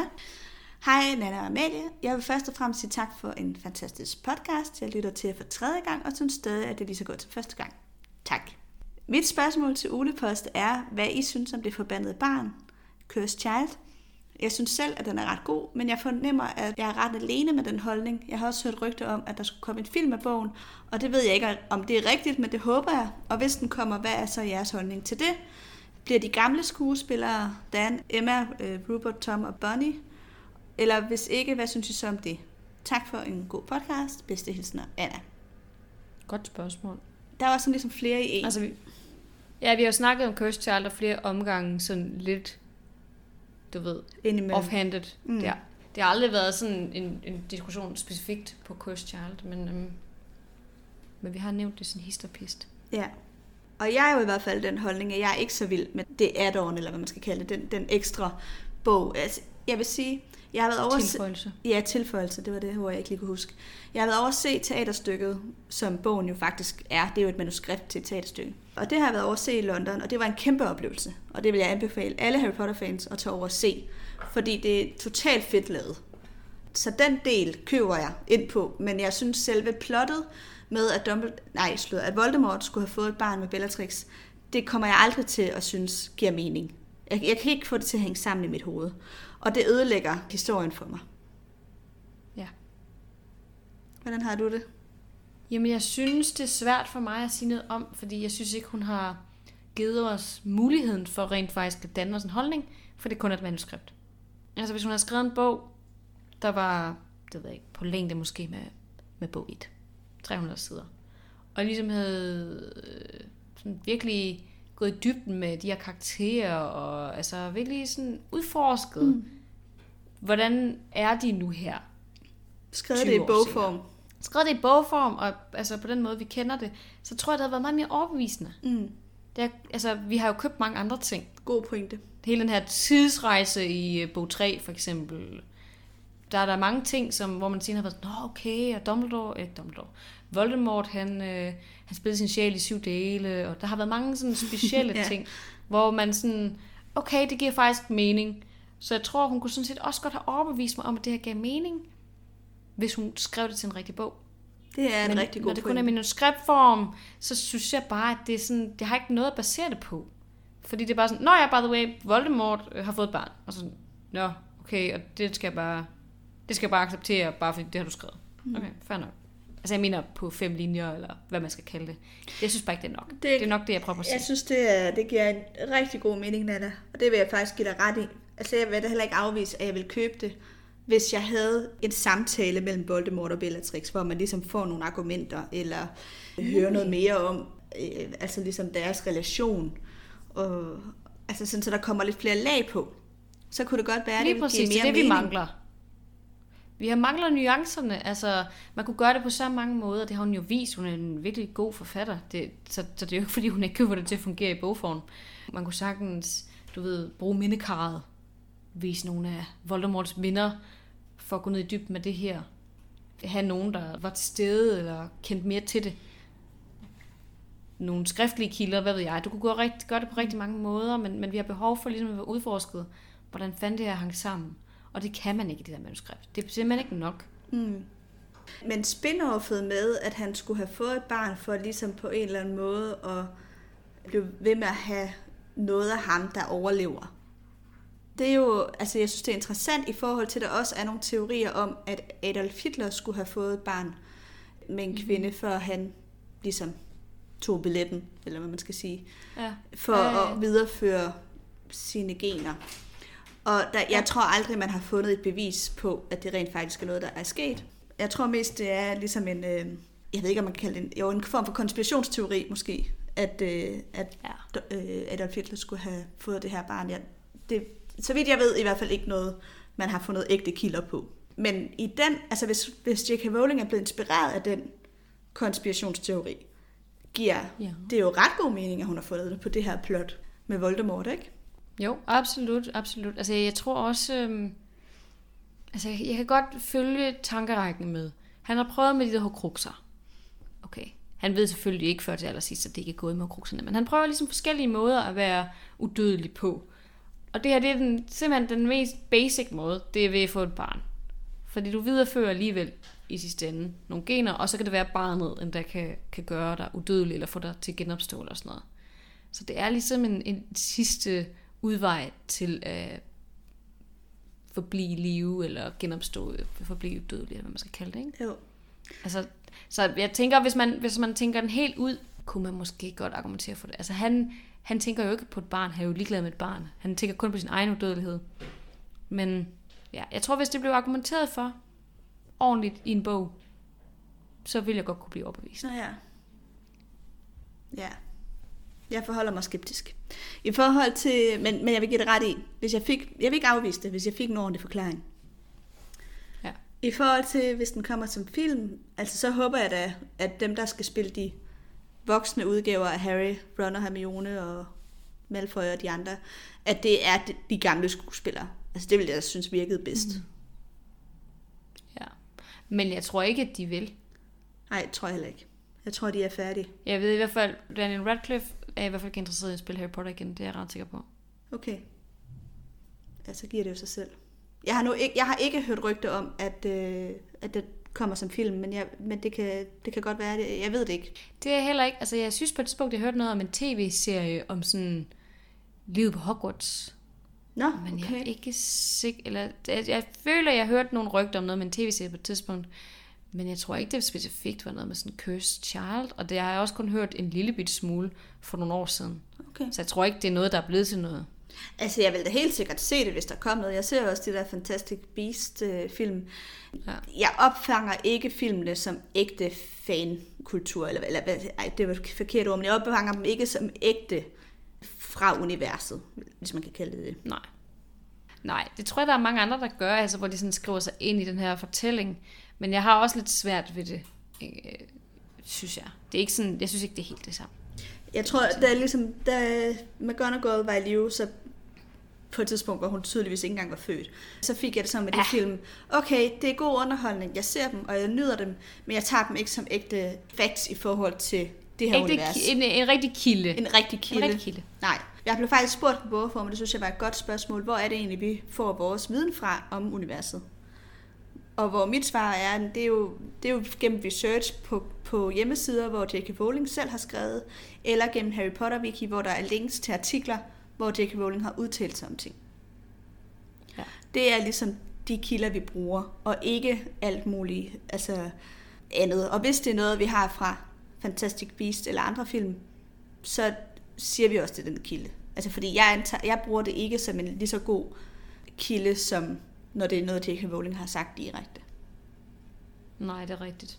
Altså, jeg tror, problemet er inde på nogle af de der Potter-wikis, at der blander de, de forskellige øhm, altså bøger og også spil sammen. Ja, men jeg Jeg tjekker altid oplevet, kilderne. at nu, Det tror jeg også er det bedste. Nogle gange, så kan jeg også tydeligt se, hvis det for eksempel er i de der spil. Altså man sådan, jeg skal sgu da ikke have det her med. Det er jo et eller andet random, som der ikke... Altså, Ja. Det er jo et eller andet mobilspil, come on. Det er jo ikke rigtig altså, facts om det her univers. Det er bare nogen, der har fundet på til det her mobilspil. Men der står altid noter i bunden, hvor kilder, hvad det er for nogle kilder. Og hvis jeg så kan se, hvis jeg har lavet nogle noter, det har jeg tit sket, hvor jeg har fundet noget på inde på PowerWiki, og så finder jeg ud af bagefter, okay, der stod nede i bunden, at kilden var et eller andet mobilspil eller computerspil, så, så siger jeg det ikke alligevel. Altså det tager jeg ikke for gode varer. Nej, det gør jeg heller ikke. Det er også for mærkeligt. Ja. Nå, jeg håber, det var et øh, ordentligt spørgsmål til Anna. Lad os hoppe videre til et spørgsmål. Svar. Svar til Anna. Lige præcis. Lad os hoppe videre til et spørgsmål fra Laura. Hej, Amelia og Nana. Jeg har endnu et ulepostspørgsmål. Eller faktisk har jeg to. Et. Hvordan tror I, at den magiske verden har forholdt sig til covid-pandemien? To. Hvem shipper I? Øh, og så er der faktisk forklaret ordet shipper, hvilket jeg er glad for, for jeg kendte ikke det udtryk. Der står, tænker, at I kender begrebet, men hvis ikke, så er det, når man forestiller sig to karakterer, som vil være perfekte sammen i en romantisk relation, og måske endda skriver fanfiction om det. Min yndlings er Lupus og Sirius. Mm-hmm. Første spørgsmål, det er det her med den magiske verden, som forholdt sig til covid. Apropos, at vi snakkede om corona tidligere. Mm. Jeg har researchet lidt. Og øh, apropos kilder, jeg har ikke fundet noget, J.K. Rowling selv har skrevet, men jeg har fundet noget, fans har skrevet om noget, hun skulle have sagt. Okay. Så det her, det er jo andres gengivelse af noget, de formentlig har hørt hende, eller set hende skrive, men jeg kunne ikke finde det originale. Tredjehåndskilde. Det er en tredjehåndskilde. Eller andenhåndskilde. Anyway, I hvert fald ikke en det er ikke direkte J.K. Rowling. Men det, jeg kunne se vedkommende skrev, det var, at J.K. Rowling angiveligt har sagt, at troldmænd og hekse kan få, de kan blive smittet af covid-19, ligesom de kan blive smittet af alle andre mørklersygdomme, men de kan helbrede det øh, med det samme. Ligesom Nå. vi ved, at de kan blive helbredt, når de brækker et ben, eller får en eller anden gift ind i sig, så har de ligesom måder at helbrede det på. Og så bliver der henvist til også for eksempel, at Hagrid øh, bliver helt vildt offended, hvad hedder det, øhm, øh, Fornærmet. fornærmet, der, da han finder ud af, at Ha- Harry tror, at James og Lily er døde i en bilulykke, fordi noget så almindeligt Ja. vil jo ikke kunne dræbe en troldmand. Altså, så de, de kan blive syge, Det er rigtigt. men de vil ikke blive ramt lige så alvorligt som vi andre, fordi de vil have måder at kurere det her på. Fair nok. Altså jeg tænker så, det kunne godt tænkes, der var et magisk aspekt til det. Altså til, til covid-19, ikke? Som mm. ramte troldmænd hårdere, for det har vi jo ligesom set med øh, for eksempel 2. verdenskrig og den øh, første troldmand, troldmandskrig, de ramler jo sammen. Altså det er noget, der sker i moklerverdenen, men det kan jo være, der sker noget i troldmandsverdenen samtidig. Så det kunne jo godt tænkes, hvis vi leger videre med den her, okay, der er en coronapandemi, som også rammer troldmandsverdenen i 2020. Det kan godt være, at der er et magisk aspekt, mm. som så påvirker dem. Det kan sagtens være. Og der tænker jeg, at hvis det er tilfældet, så tror jeg, at de vil håndtere det på samme måde, som de håndterede Voldemorts tilbagekomst. Ved uh, ikke at tro på det. det passer ikke. Ja. De vil nok være skeptikere, ja. Rimelig Det meget. tror jeg. Det tror Eller jeg. fornægtere. Det er noget, det, det, altså man kan sige, i de her år, der er det jo sådan set Hermione, der er minister for magi. Så det kan godt tænkes, at de vil håndtere det lidt bedre end tilbage i 90'erne.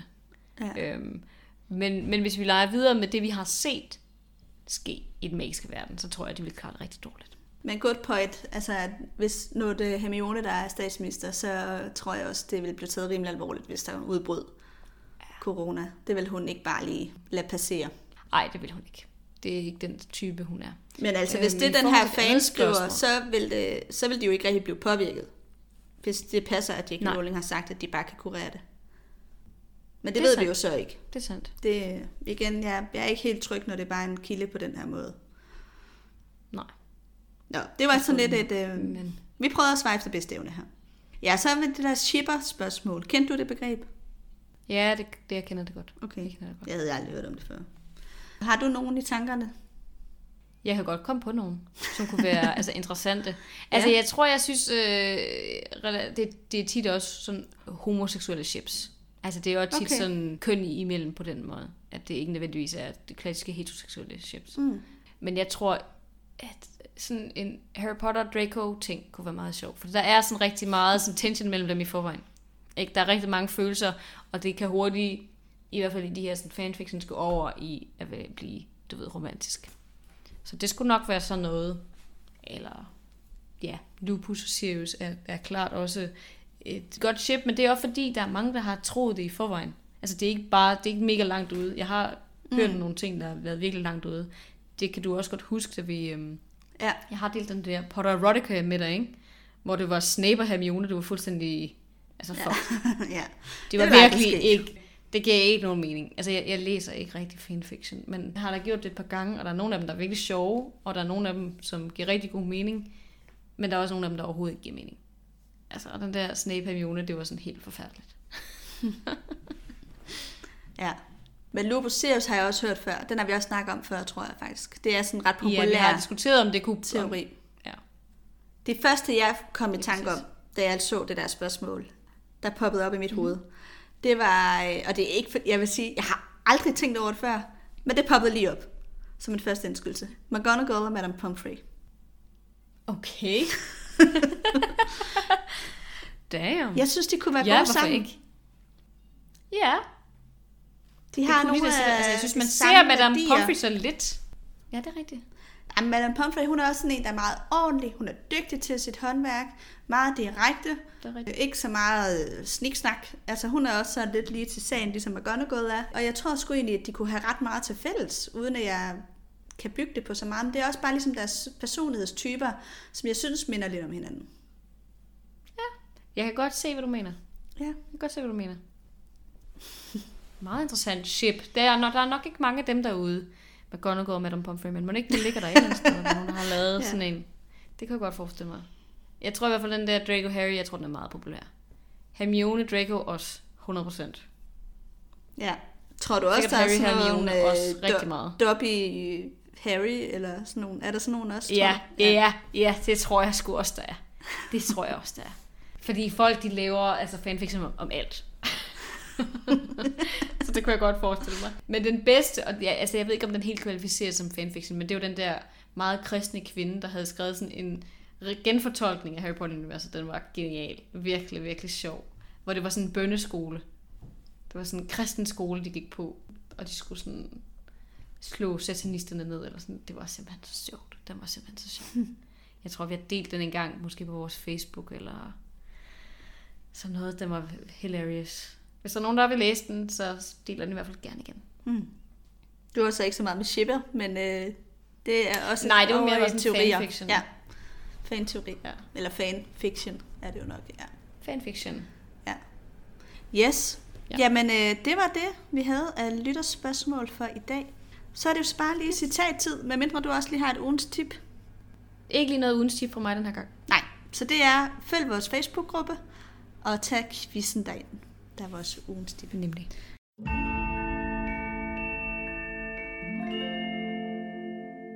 Yes. Jeg tænker, skal jeg ikke starte med citat med kapitel 17? Jo, tak. Jeg har valgt slutningen af kapitel 17. Der er tit nogle gode citater ved kapitlenes slutning. Ja. Det er lige, hvor at øh, Sirius er smuttet ud af pejsen og er lige ved at blive opdaget. De flygtede alle tre. Ved døren til drengenes sovesal kastede Harry et blik tilbage mod pejsen.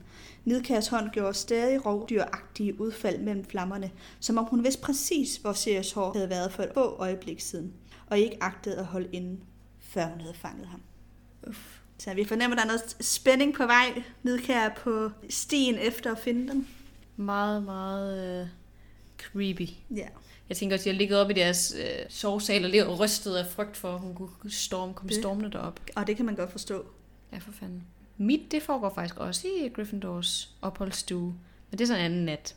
Det er her, hvor, øh, hvor Dobby kommer op og begynder at fortælle om øh, fornødelsesrummet til øh, Harry.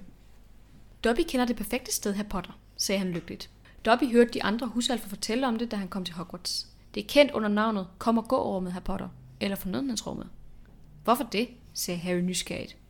Fordi det er et rum, som man kun kan træde ind i, sagde Dobby alvorligt, hvis man virkelig har brug for det. Somme tider er det der, andre gange er det der ikke, men når det dukker frem, er det altid udstyret præcis efter søgerens behov. Dobby har selv benyttet det her, Potter, sagde Alfen lavmældt og skyldbevidst, når Winky har været meget fuld. Han har skjult hende i rummet og fundet modgifte til ingefærøl derinde, og en blød seng i alfastørrelse at lægge hende i, så hun kunne sove rosen ud. Dobby ved også, at Fælles har fundet ekstra rengøringsmiddel i rummet, når han er løbet tør. Og, og når man virkelig har brug for et toilet, siger Harry, der pludselig kom i tanke om noget, Dumbledore havde sagt ved ballet sidste jul, vil det være fuld af natpotter, ikke sandt? Det vil Dobby tro, herr Potter, sagde Dobby og nikkede alvorligt. Det er et ganske beværkelsesmærdigt rum. Mm. Det var fint. Det opsamlede også lige mange af de gode snakke, vi har haft i dag. Ja, det synes jeg. Ja. Og det der med, at det er, sådan, det er, meget, det er et meget særligt sted Ja. på skolen. Mm. Yes. Og der vender vi jo tilbage til Det gør vi. gang på gang. Yes. Jamen, præcis. øh, skal vi så ikke slutte af med at sige uh, tak, fordi du lyttede med? Og uh, Jo. tak til dig, Nana. Tak i lige måde, min ven. Hej hej. Vi ses.